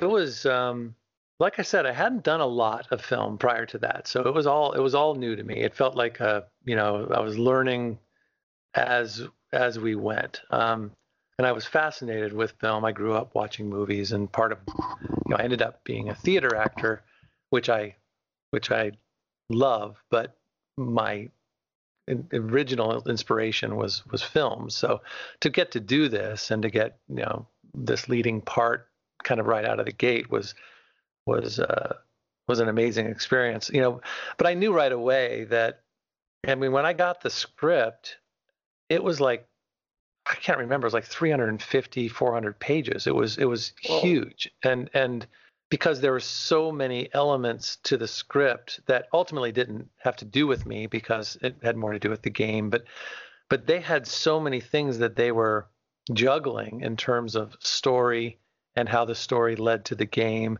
all the different outcomes if the if the player chose a certain path that ultimately went down, you know, whatever rabbit hole that it was going to go down.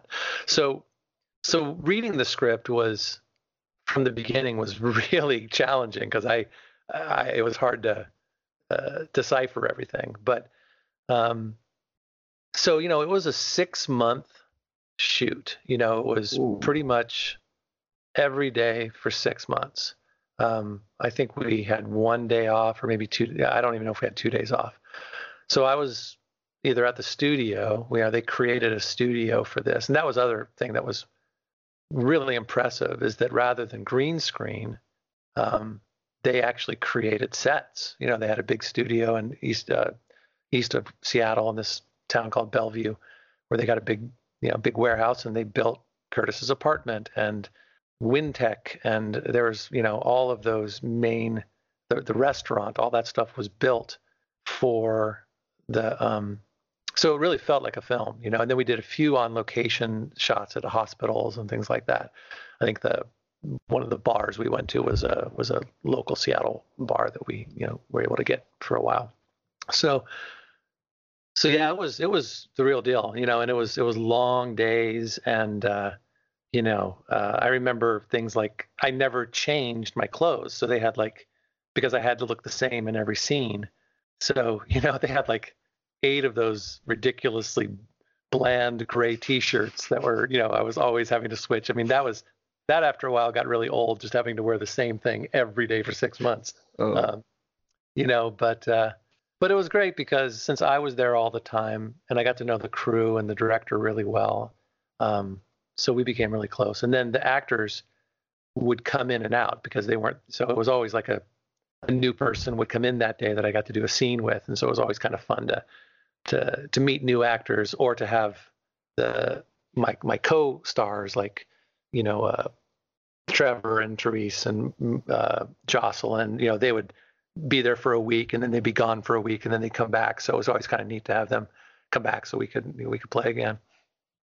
Do you still stay in contact with any of the other actors? Not really. The only person I became very good friends with uh, Rachna, who's um, who played Therese. She's a local uh, Seattle actor, and I didn't know her prior to the. I think I'd seen her around at some auditions and such. Um, and at the time, uh, she was married to uh, one of the actors that's in the show that plays my dad. That's um, right. His name's Todd Lasea. So that was a little um, uh, that was a little Oedipal and weird um, to be, you know, with her and he's my dad, and there was just too many. There was a lot of strangeness, but um, uh, but he's a great guy, and I. Uh, but they they aren't together anymore. And then she ended up marrying uh, a good friend of mine. So I, I see Rachna all the time. She's a she's a she's a good friend. Well, that's amazing. That- Yeah. Some. And then the other ones, I never really, you know, I have Paul Mitri, who played Trevor. I know he moved to Japan with his wife. I don't know if they're still there they're back, but uh, um, I hadn't seen him in a long time. And then I don't think I've ever, I think Monique and I may have stayed in touch, you know, a little bit for the, you know, a couple emails here and there, but I haven't seen her since then. I've always thought it would be interesting. And I'm always amazed because of the interest in this show or in this game. I always call it a show uh, in this game. Why no one has reached out to try to do a, uh, you know, like like a reunion of some sort. You know, I think that we it would be kind of neat to get the whole group together for some kind of, you know, conference or you know, comic conference or something like that, or game conference, and have us come back and talk about it and sign some autographs and stuff. I'm surprised that's never happened. Yeah, I was about to say that. That's very weird, actually, because it's a very uh, niche specific uh, thing, FMV games, uh, and not just uh, Phantasmagoria. There's some other games called like Tex Murphy and such. Um, and I have never seen uh, any any one of you FMV people actually on any convention. That's that's really weird. That's yeah, we really should we weird. should uh, let let's let's think about it. We'll figure out how to make it happen. I think that would probably be a really cool uh, a cool event that would probably be very well attended if we you know if I, I've always thought about it. I just don't have the the the bandwidth to to put something like that together. But I've always thought if someone were to uh, take the reins on that, that would be a fun thing to do. if Phantasmagoria 2 had been a bigger thing in Sweden, I would so have pushed for that. Actually, Yeah. uh, Yeah. I, I think it's it's a it's a, not a, a small game in Sweden, but Swedes are kind of laid back and you know hanging around. And there's a oh there's a convention. Oh there uh, I live in I live in Gothenburg, and we're kind of famous apparently for being very laid back when famous people come to our town uh, Arnold Schwarzenegger apparently hangs around here, and he's like, "Yeah, well, people here don't care." They're like, "Oh, cool. Yeah, I Yeah. loved you in that movie." That's funny. That's funny. That's great. Uh, but you, uh, I would love if you could like just send my regards to Raguna. I'm, I'm Ragna. Sorry. Rachna, yeah, yeah, yeah. I certainly will. Yeah, she'll be she'll be uh, tickled to hear that I, I talked to you. Um, but yeah, they're they're great. So yeah, what else? What else can I tell you? I know that the, you had some, some other questions and Yeah, I'm going through through them here, and yes, n- since we have spoken a, um, a bit or written a, um, a bit, I'm kind of like, yeah, that question sucks. ah, no, Uh, no. Uh, but uh, you, you said that uh, uh, a couple of times through the years, uh, the game has like come back to you. Uh, people have been uh, contacting you and such about it. What what have the most what what have people been saying to you through the years since you made Phantasmagoria about it? About it? That's a great question. Um, you know, most of it is. I'm going to see if I can actually pull some of these up. Um, most of it is really just, you know, people curious. A lot of times I'll get uh, some kind of. It's usually through Facebook or something like that. I'll get like some sort of a message, a message from somebody, and uh, let's see here. I'm gonna. But most of it is always you know in the realm of just i i played this game i you know it's just is this really you i thought you were great this game meant a lot to me when i was younger um it's been you know uh like I, there's one people are just very kind. They'll say i hope you don't mind me contacting you but i'm wondering uh oh somebody was asking for the screenplay. That's a different one. But uh um yeah just it's very simple like you know i i was looking to contact you 1990s actor who played curtis and you know so they're just checking in. So it's a lot of people just saying that it's a it's a game that they played and it had a it had a big impact on their life you know? So um, it's it's it's it's very flattering Yeah, but I think that the thing with Curtis is that uh, maybe a little bit because of the bland clothing. Uh, Yeah. Because it, it's very bland, but you can apply yourself to him. You you can actually feel like you're there. It's not a very uh, it's kind of iconic in the FMV gaming uh, circuits because you know, oh well, it's kind of a running gag uh, sometimes that well, he's very he never changes his shirt. Why doesn't he? Uh, but I, I think, think part of that was continuity, like wherever. Because Yeah. the thing is, if you think about it, if you're going to, if I'm in my apartment, and you, you know, you you you move around the apartment and see all the things that you know, and then some of the the the films come up there, and then you decide you want to take me to work. Well, it it would be so hard for them to track different costume changes. I mean, because there's so many ways that you're going to go from one place to another that ultimately they decided that I had to look the same the whole time. And so that had more to do with logistics and just how crazy it would be to like if all of a sudden I'm at home and then I go to work and I'm wearing a different outfit, that would be jarring. And so keeping me the same made made it more, you know, uh, consistent. Yeah, of course. But I, I, really think that when you have a um, change of clothes, it's actually kind of it's very interesting because it's very specific places when Curtis has different clothes. It's uh, when he goes to the SMM club Yeah, yeah, and the psych ward. right, right. So th those two points are very they are very specific, like kind of points of no return uh, concerning the, the story because uh, it's kind of like like you said, it's kind of jarring actually just seeing him wearing like a jeans jacket and, and such Right. because it, all of a sudden like oh this is unfamiliar to me and at the same time you're standing in an SMM club so Right. It's That's funny. awkward. It's funny that you remember that and have this so clear. But I remember pushing for that. I remember that was a big thing where I thought, you know, there has to be a couple of moments in this experience where we see Curtis outside of his element. And if he's outside of his element, it would be interesting to see him and looking slightly different. Because as you said, those are points of no return. That S and M club was the beginning of him, you know, going down a road with Therese that he wasn't going to return from, you know, in terms of his, uh, you know,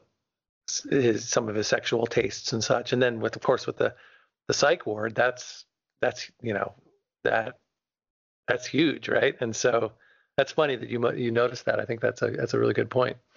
Well, thank you. I, I'm I'm kind of shaky on my voice because I'm gonna be honest. I'm a bit nervous, but I, I'm having a great time. oh, good, good, Um, I, I'm just gonna address. Yeah. yeah, Um, I'm just gonna address that. Uh, I in the podcast part, I usually have a, a co-host, um, and he was like, "Are, are you gonna do this interview?" Like, Yeah, yeah, if he wants to, I'm gonna do it. So, yeah, could you do it on your own? Yeah, there's no. Pro- why? I, I'm I'm I'm I'm freaking out during those segments. Oh, So yeah, uh, he, he's a, he's a great guy, but I I think I, I'm gonna handle the PR situation kind of thingy. Um, well, oh, okay. I'm going through my questions here now. Um, so, oh, that's a good question. I, it wasn't on my sheet here. Uh, developing the character Curtis uh, was during six month, months uh, must have been kind of a huge uh, uh, undertaking as an actor. Uh, how did you how did you develop the yeah Curtis? Well, you know, I think the thing that drew me to him in the first place, and it's kind of what you were touching on, is that you know I I had to play someone that was, um, you know, everything happens to him. You know, he he can't he you know the other character, a lot of the other characters got to be a little more dynamic, and you know, they're the ones that sort of were, you know, so he's someone who was very fragile. I mean, just the idea that he he was uh, committed to a psychiatric ward and had dealt with electric shock therapy and was basically trying to build his life back together. I just saw a very fragile person that was tiptoeing back into society, you know, and and kind of like a baby, just learning how to be uh, an adult again, you know, and, and and negotiate his friendships and his relationships and and uh, and so I just felt like if I stayed, to me, it was just trying to be as honest as I could in those given situations. You know, um, you know, there were times when because we would shoot out of sequence.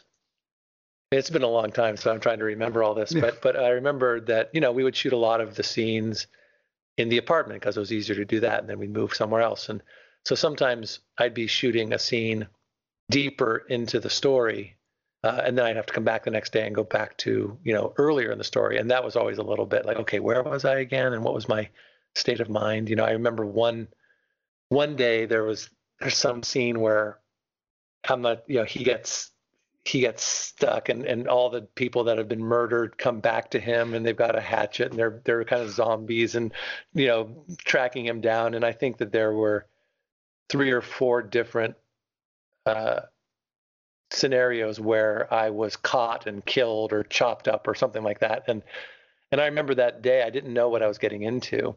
I mean I just for some reason I didn't realize that was the scene we were doing. So when I got there and they said, "Oh yeah, this is this thing, and I'm going to be screaming bloody murder, and I'm going to be in this really intense, you know, emotional place." I remember that was like, I am not ready for this today. You know, I just didn't know that. So there were moments where it was really hard to go to those places, but um, but for the most part, you know, you knew what you were going to be getting into that day, and you just had to to prepare, you know, accordingly. Would you say that that segment uh, or that sequence, because I know exactly which sequence it is, and that one always stresses me out in a good way. Yeah. uh, but would you say that that was maybe one of the harder parts during the production?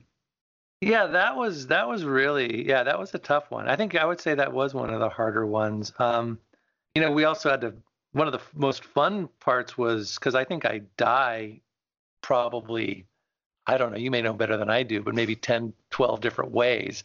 And so it was a lot of fun over the course of the time to film all of my potential deaths, you know, stabbing, shooting, and all that stuff, and, you know, getting chopped up. I thought that was always kind of fun to, you know, at the end of the day, to, it, it was physically draining, but it was kind of, I always find it, found it humorous that, you know, there were so many ways for him to, uh, there's only one way he actually gets out, and so many other ways he, he, he doesn't, you know. Yeah, I'm I'm sorry. I think I, I accidentally have murdered Curtis about ten times by a security guard with a gun. It's it's a tough one. Uh, but th- that's actually really uh, interesting. I, I I just I had a question, but I I, I forgot it. It was no, that's all right. great. Um, I go back to my sheet sheet again. Um, yeah, sure. but there's a, a lot of uh, well gory sequences. Yeah that's the thing. Yeah. Uh, you said you really uh, enjoyed being chopped up or murdered in uh, different kinds of ways. Uh, and for me as a, a horror guy it's kind of the most fun part of a production you know. Oh we're gonna do gore scenes or the not necessarily gore scenes but you know the the, the ah the money Right. shot. Uh, but you're not really a horror guy are you No, not really, hardly at all. I, uh, you know, I've, I've uh, it's never, never been my. I'm not against it. I just never been something I fully uh, dove into. But, um, but I sure appreciate it. And the guy that, you know, the the guy that did all the uh, prosthetics and uh, the makeup guy did a great job. And so it was really fun to be there. And you know, it was more fun to do. I, you know, I, I think when I watch scary movies. Uh, I don't have that thrill part. It just scares the hell out of me. And so uh, I, I, you know, I'm just not good at them. I, you know, a lot of people love to be scared, but there's something really fun about it. And for me, it actually, um, it, I don't, I don't find the fun part. I just get, I just get too, too petrified. And so uh, I normally stay away from that stuff. Yeah, but it's completely understandable actually. So if if you don't find uh, find it funny or thrilling, why why would you really put yourself Right. through that? But that said, being there and watching how they created it, I mean, I, I was the one, th- an image that I remember being really hilarious was when Curtis and Jocelyn are in bed and he leans over and she's asleep and then he yeah. he reaches into her stomach and pulls out her intestines or something like that. And you know and the thing that he made to create that effect you know so just being in the room and seeing how they you know placed all the props and had it all done. And so it was it was pretty funny to to, to do all that. And then when you watch it it's pretty creepy but when you're in the room doing it it's pretty you know where there's a lot of laughter in terms of you know, of of how we're making this thing happen. Yeah, when you begin to see the strings and and the glue holding it all together. Exactly. yeah, yeah. I actually did a, a, a short uh, gore sequence in a, um, a short film for a festival just like mm, a couple of weeks ago, and we were supposed to have a, a guy getting chainsawed in the stomach, and we Oh, shot. wow. Yeah, it was it was fun. This is the kind of thing I'm.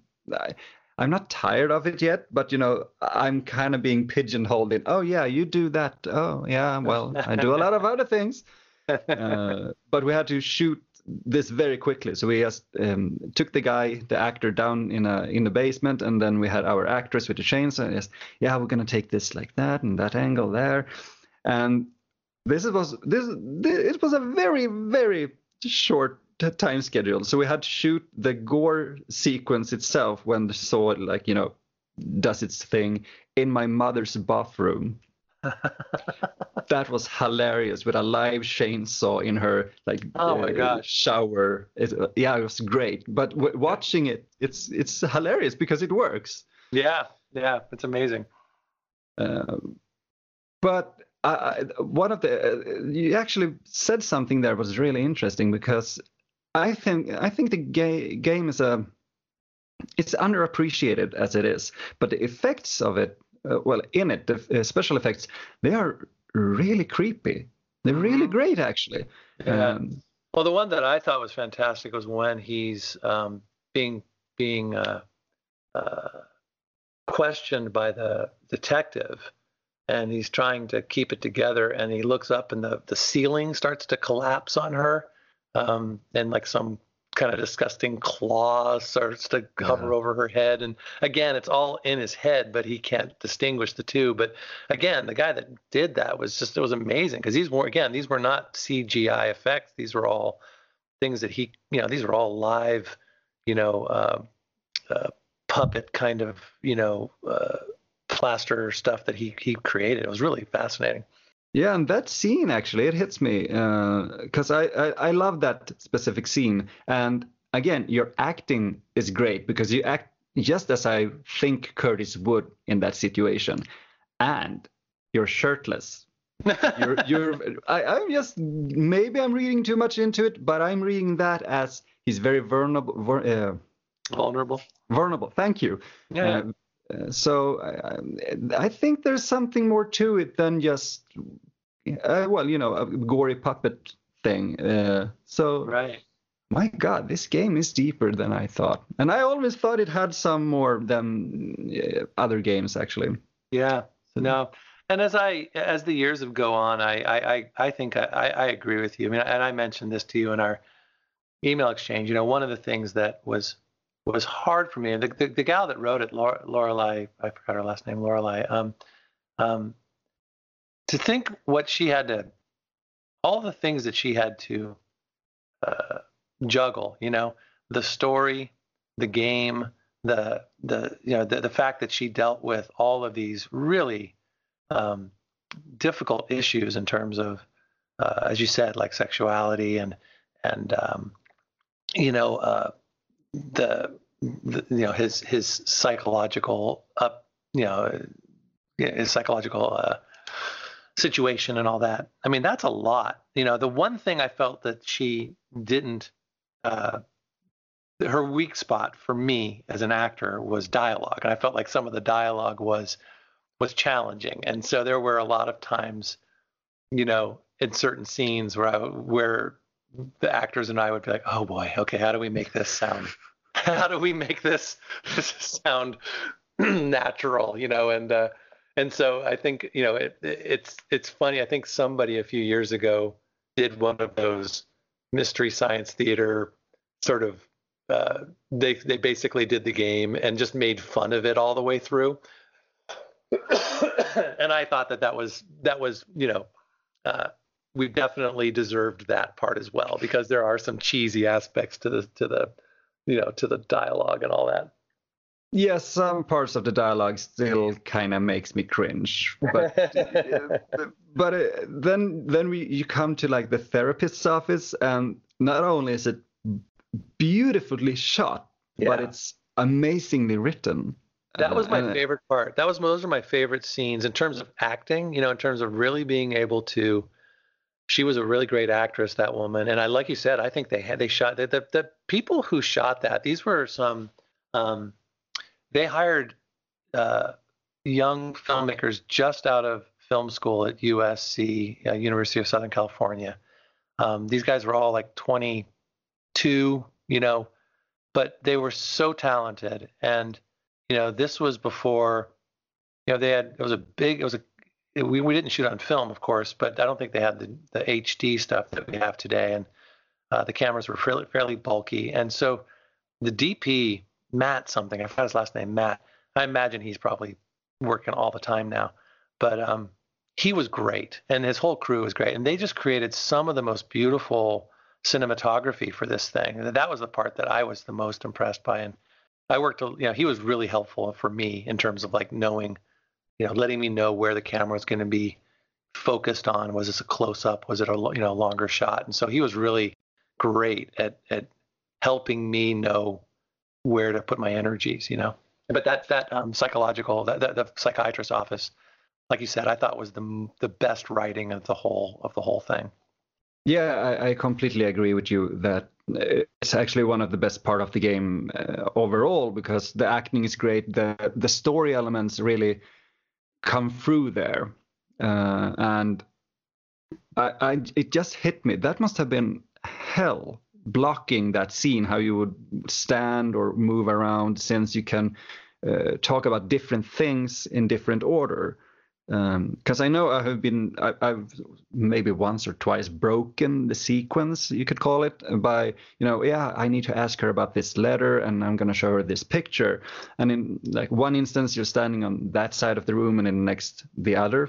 But it's never something it's kind of you know the suspension of disbelief. You you are there and you you buy into it. So yeah. uh, it, it's not a problem because the scene is so good on its own that you you really don't get pull out of it if uh, pull out of it if you suddenly stand on in another Yeah. complete spot.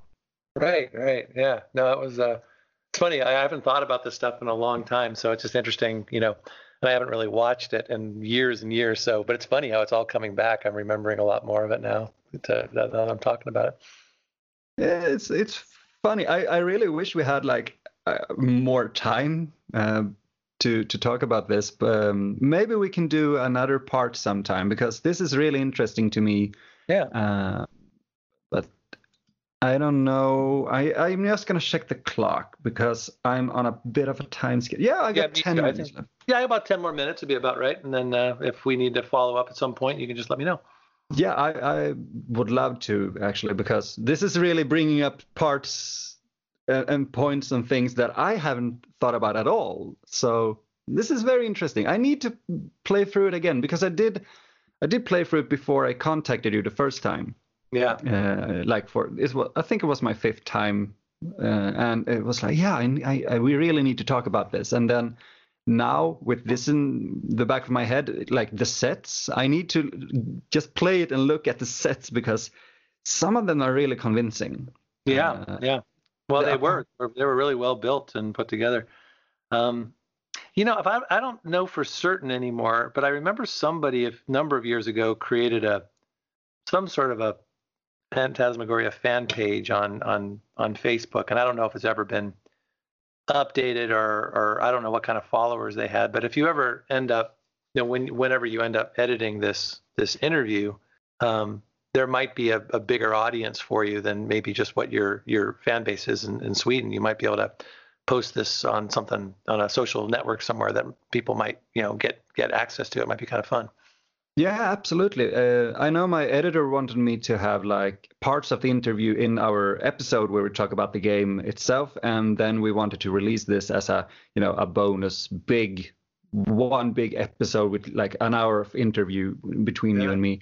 Uh, and I know because it's it's very fun that you bring up um, Facebook and Phantasmagoria groups because I I liked uh, or kind of joined one of the groups uh, a few years back, and that group was actually uh, it was more. I think it was for both games, but it was run by David Homb, and David Homb played. Um, oh, I can't. Don in the first game actually. Oh, okay. So it was kind of fun talking to him, and it was like, "Oh, really? You're running this? Oh, well." yeah, right. So maybe cool. that's funny. Yeah. Uh, yeah, but is there something you would do or wish you did differently in the game uh, compared to what ended up in it?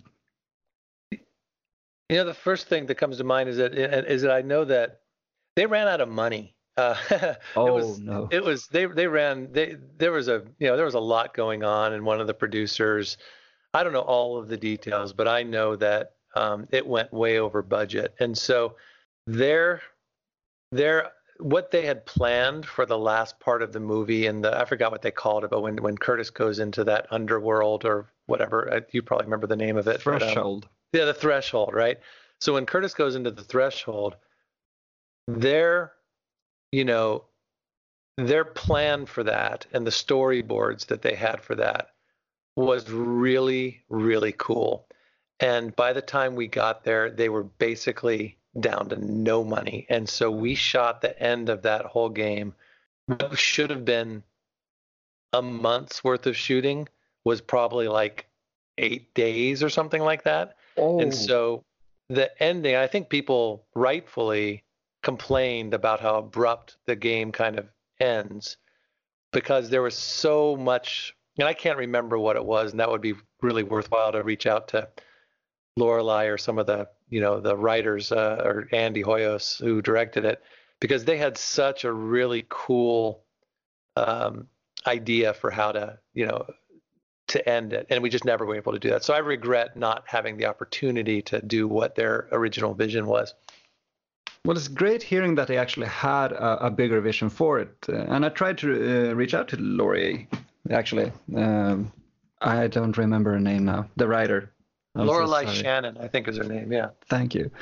Um, because that's actually the only part of the game that I believe lacks uh, or you know takes takes a nosedive. yeah Uh, yeah it's and rightfully so because yeah it's just we like i said they just uh they were pulling the plug they didn't have any more money and they basically said you have to get it done you know tomorrow and so we just had to wrap it up and and so it was a i remember it was a real uh blow to the whole production crew that we weren't able to do that That's very sad to hear, actually. But I, I as a I guess you could call me a fan because that's what I am. I, I, I still appreciate that you actually wrapped it up as good as you did, based on that the third act kinda right yeah lacks a lot because there's some puzzles that's really not making sense and stuff uh, because it's you don't have a, any time to get to know the world that you're Right. suddenly thrown into. Yeah, that makes so much sense. I would imagine that that, that I, can, I can see why that that happened because of our situation. Yeah, but it's it's it's great to hear that it's actually a reason, not just uh, a, a lack of of passion. Because uh, talking to you, I can really hear that it was there's a lot of passion going into it, a lot of uh, thinking and well, thinking that's a really dumb way to put it, but a lot of undertones and, Yeah. and more to it than what m- people might see, and definitely what might have flown over people's head back in the 90s. Right, absolutely. You know, it was a looking back on it. I mean, I think everybody was doing this. You know, I'm just trying to think. Like, I I didn't know Monique. I know she had made a number of films in Los Angeles. She was the, one of the few actors. No, that's not true. There are a few other actors from LA that they cast. So it was a combination of actors from Los Angeles and actors from Seattle. Um, but most of us, this was new for all of us. No one had done this kind of thing before. You know, no one had no one had ever done, and nor since really. So the director Andy came from the world of games. He had never directed a film before. And so I think we, but we all liked each other, and and and there were times where we didn't always know how to communicate as effectively as we would want. Like I may have wanted more direction uh, that would help my acting get to the next level, but Andy was oftentimes thinking about what needed to happen in terms of how the game progressed, and so, but we were we liked each other, and so I think we were always challenging each other to, uh, you know, to to take it seriously and to try to make the most of each of each moment. You know, I don't think we always succeeded, but I think there was a a real earnestness to to how we approach this that I think continues to I guess impress people even, you know, what 20 years later, you know. Yeah, I I would actually say that it still does. I, I have a, a dear friend that I work a lot with, and she just started playing it, and she's kind of into it. And she's pre- just like me. She has she has a background of you know a lot of mental issues way back in the teen uh, years, actually, or most. Uh, yeah, my English is really lacking right now. I'm, but it's she really. Uh, she she has a great response to it. She's sitting here. She's not a gamer at all, and she's sitting here quietly and plays it, and yeah. she's really into it. You know, she can play Mario uh, two right. like die two times and then like oh fuck it, I'm not doing this. uh, and Phantasmagoria, she actually sits down and and she really cares. She really listens. I I don't I never skip over a cutscene at all. Uh, well, maybe I do when you know Curtis walks between places, but when something happens in the story, I always listen. Right. And some of my friends who friends who plays it actually, you know, yeah, well, I kind of know what they're saying here, um, and it's to me it kind it's a bit disrespectful, and I really want to be there when I sit down to play Phantasmagoria 2. I want to have the whole experience because to me it actually means something. Uh, maybe, yeah, I, I hope it doesn't come off as a weird thing, but it's uh, it's actually one of my favorite games because all of the things we have been speaking about last for the last well, hour. I think I think you're you know I don't think you're alone in this. I think there are a lot. Like I said, I mean the, the amount of response I've gotten over the years um, tells me that people really got something profound out of this experience, and so that's really neat to have been a part of something like that. You know, so I um, I'm just glad that it's you know it's continuing to uh, you know it, it's one of those great cult like you know games now where it, you know people uh, people find out about it and someone tells someone and then they go and like your friend you're just talking about who are going to experience something I did 20 years ago but they're going to experience it for the first time now. That's really neat you know I really I'm really uh, humbled by that. Yeah that must be a pretty crazy experience actually. Yeah, it's kind of cool.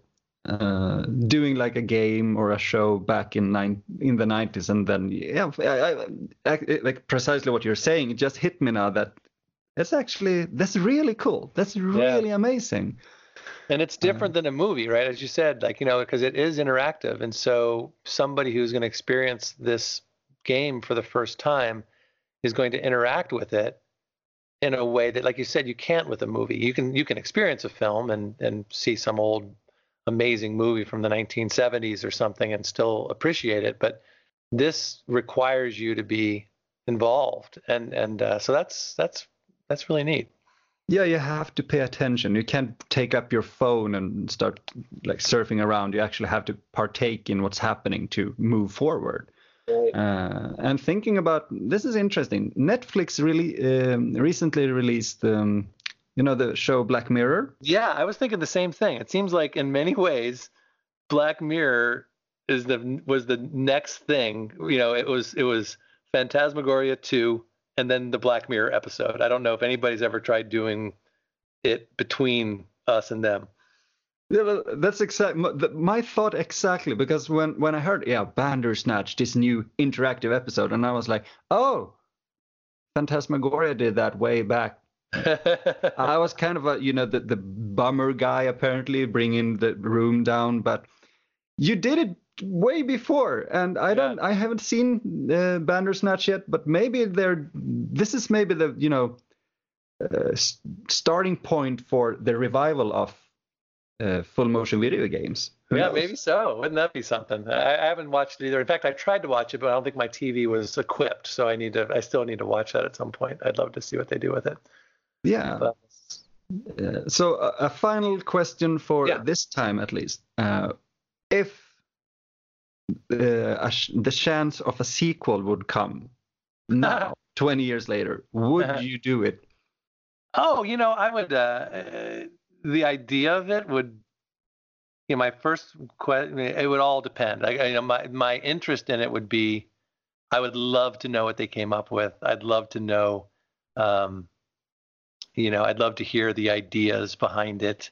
Um, you know, uh, so yeah, my curiosity would be through the roof, whether it would be uh, doable with you know my life as it is, and whether you know, but but who knows if someone were to make this happen again, how how great would that be? That would you know, so many so many. Um, it's just it is strange. Yeah, I was thinking about that. Like why it is weird that this game that's had such an effect on so many people has never that no one's come back in any form, even you know to create an animated version or to create some sort of follow up. I, I, it is uh, it just seems like everybody went off and did other things, and uh, so yeah, um, sign me up.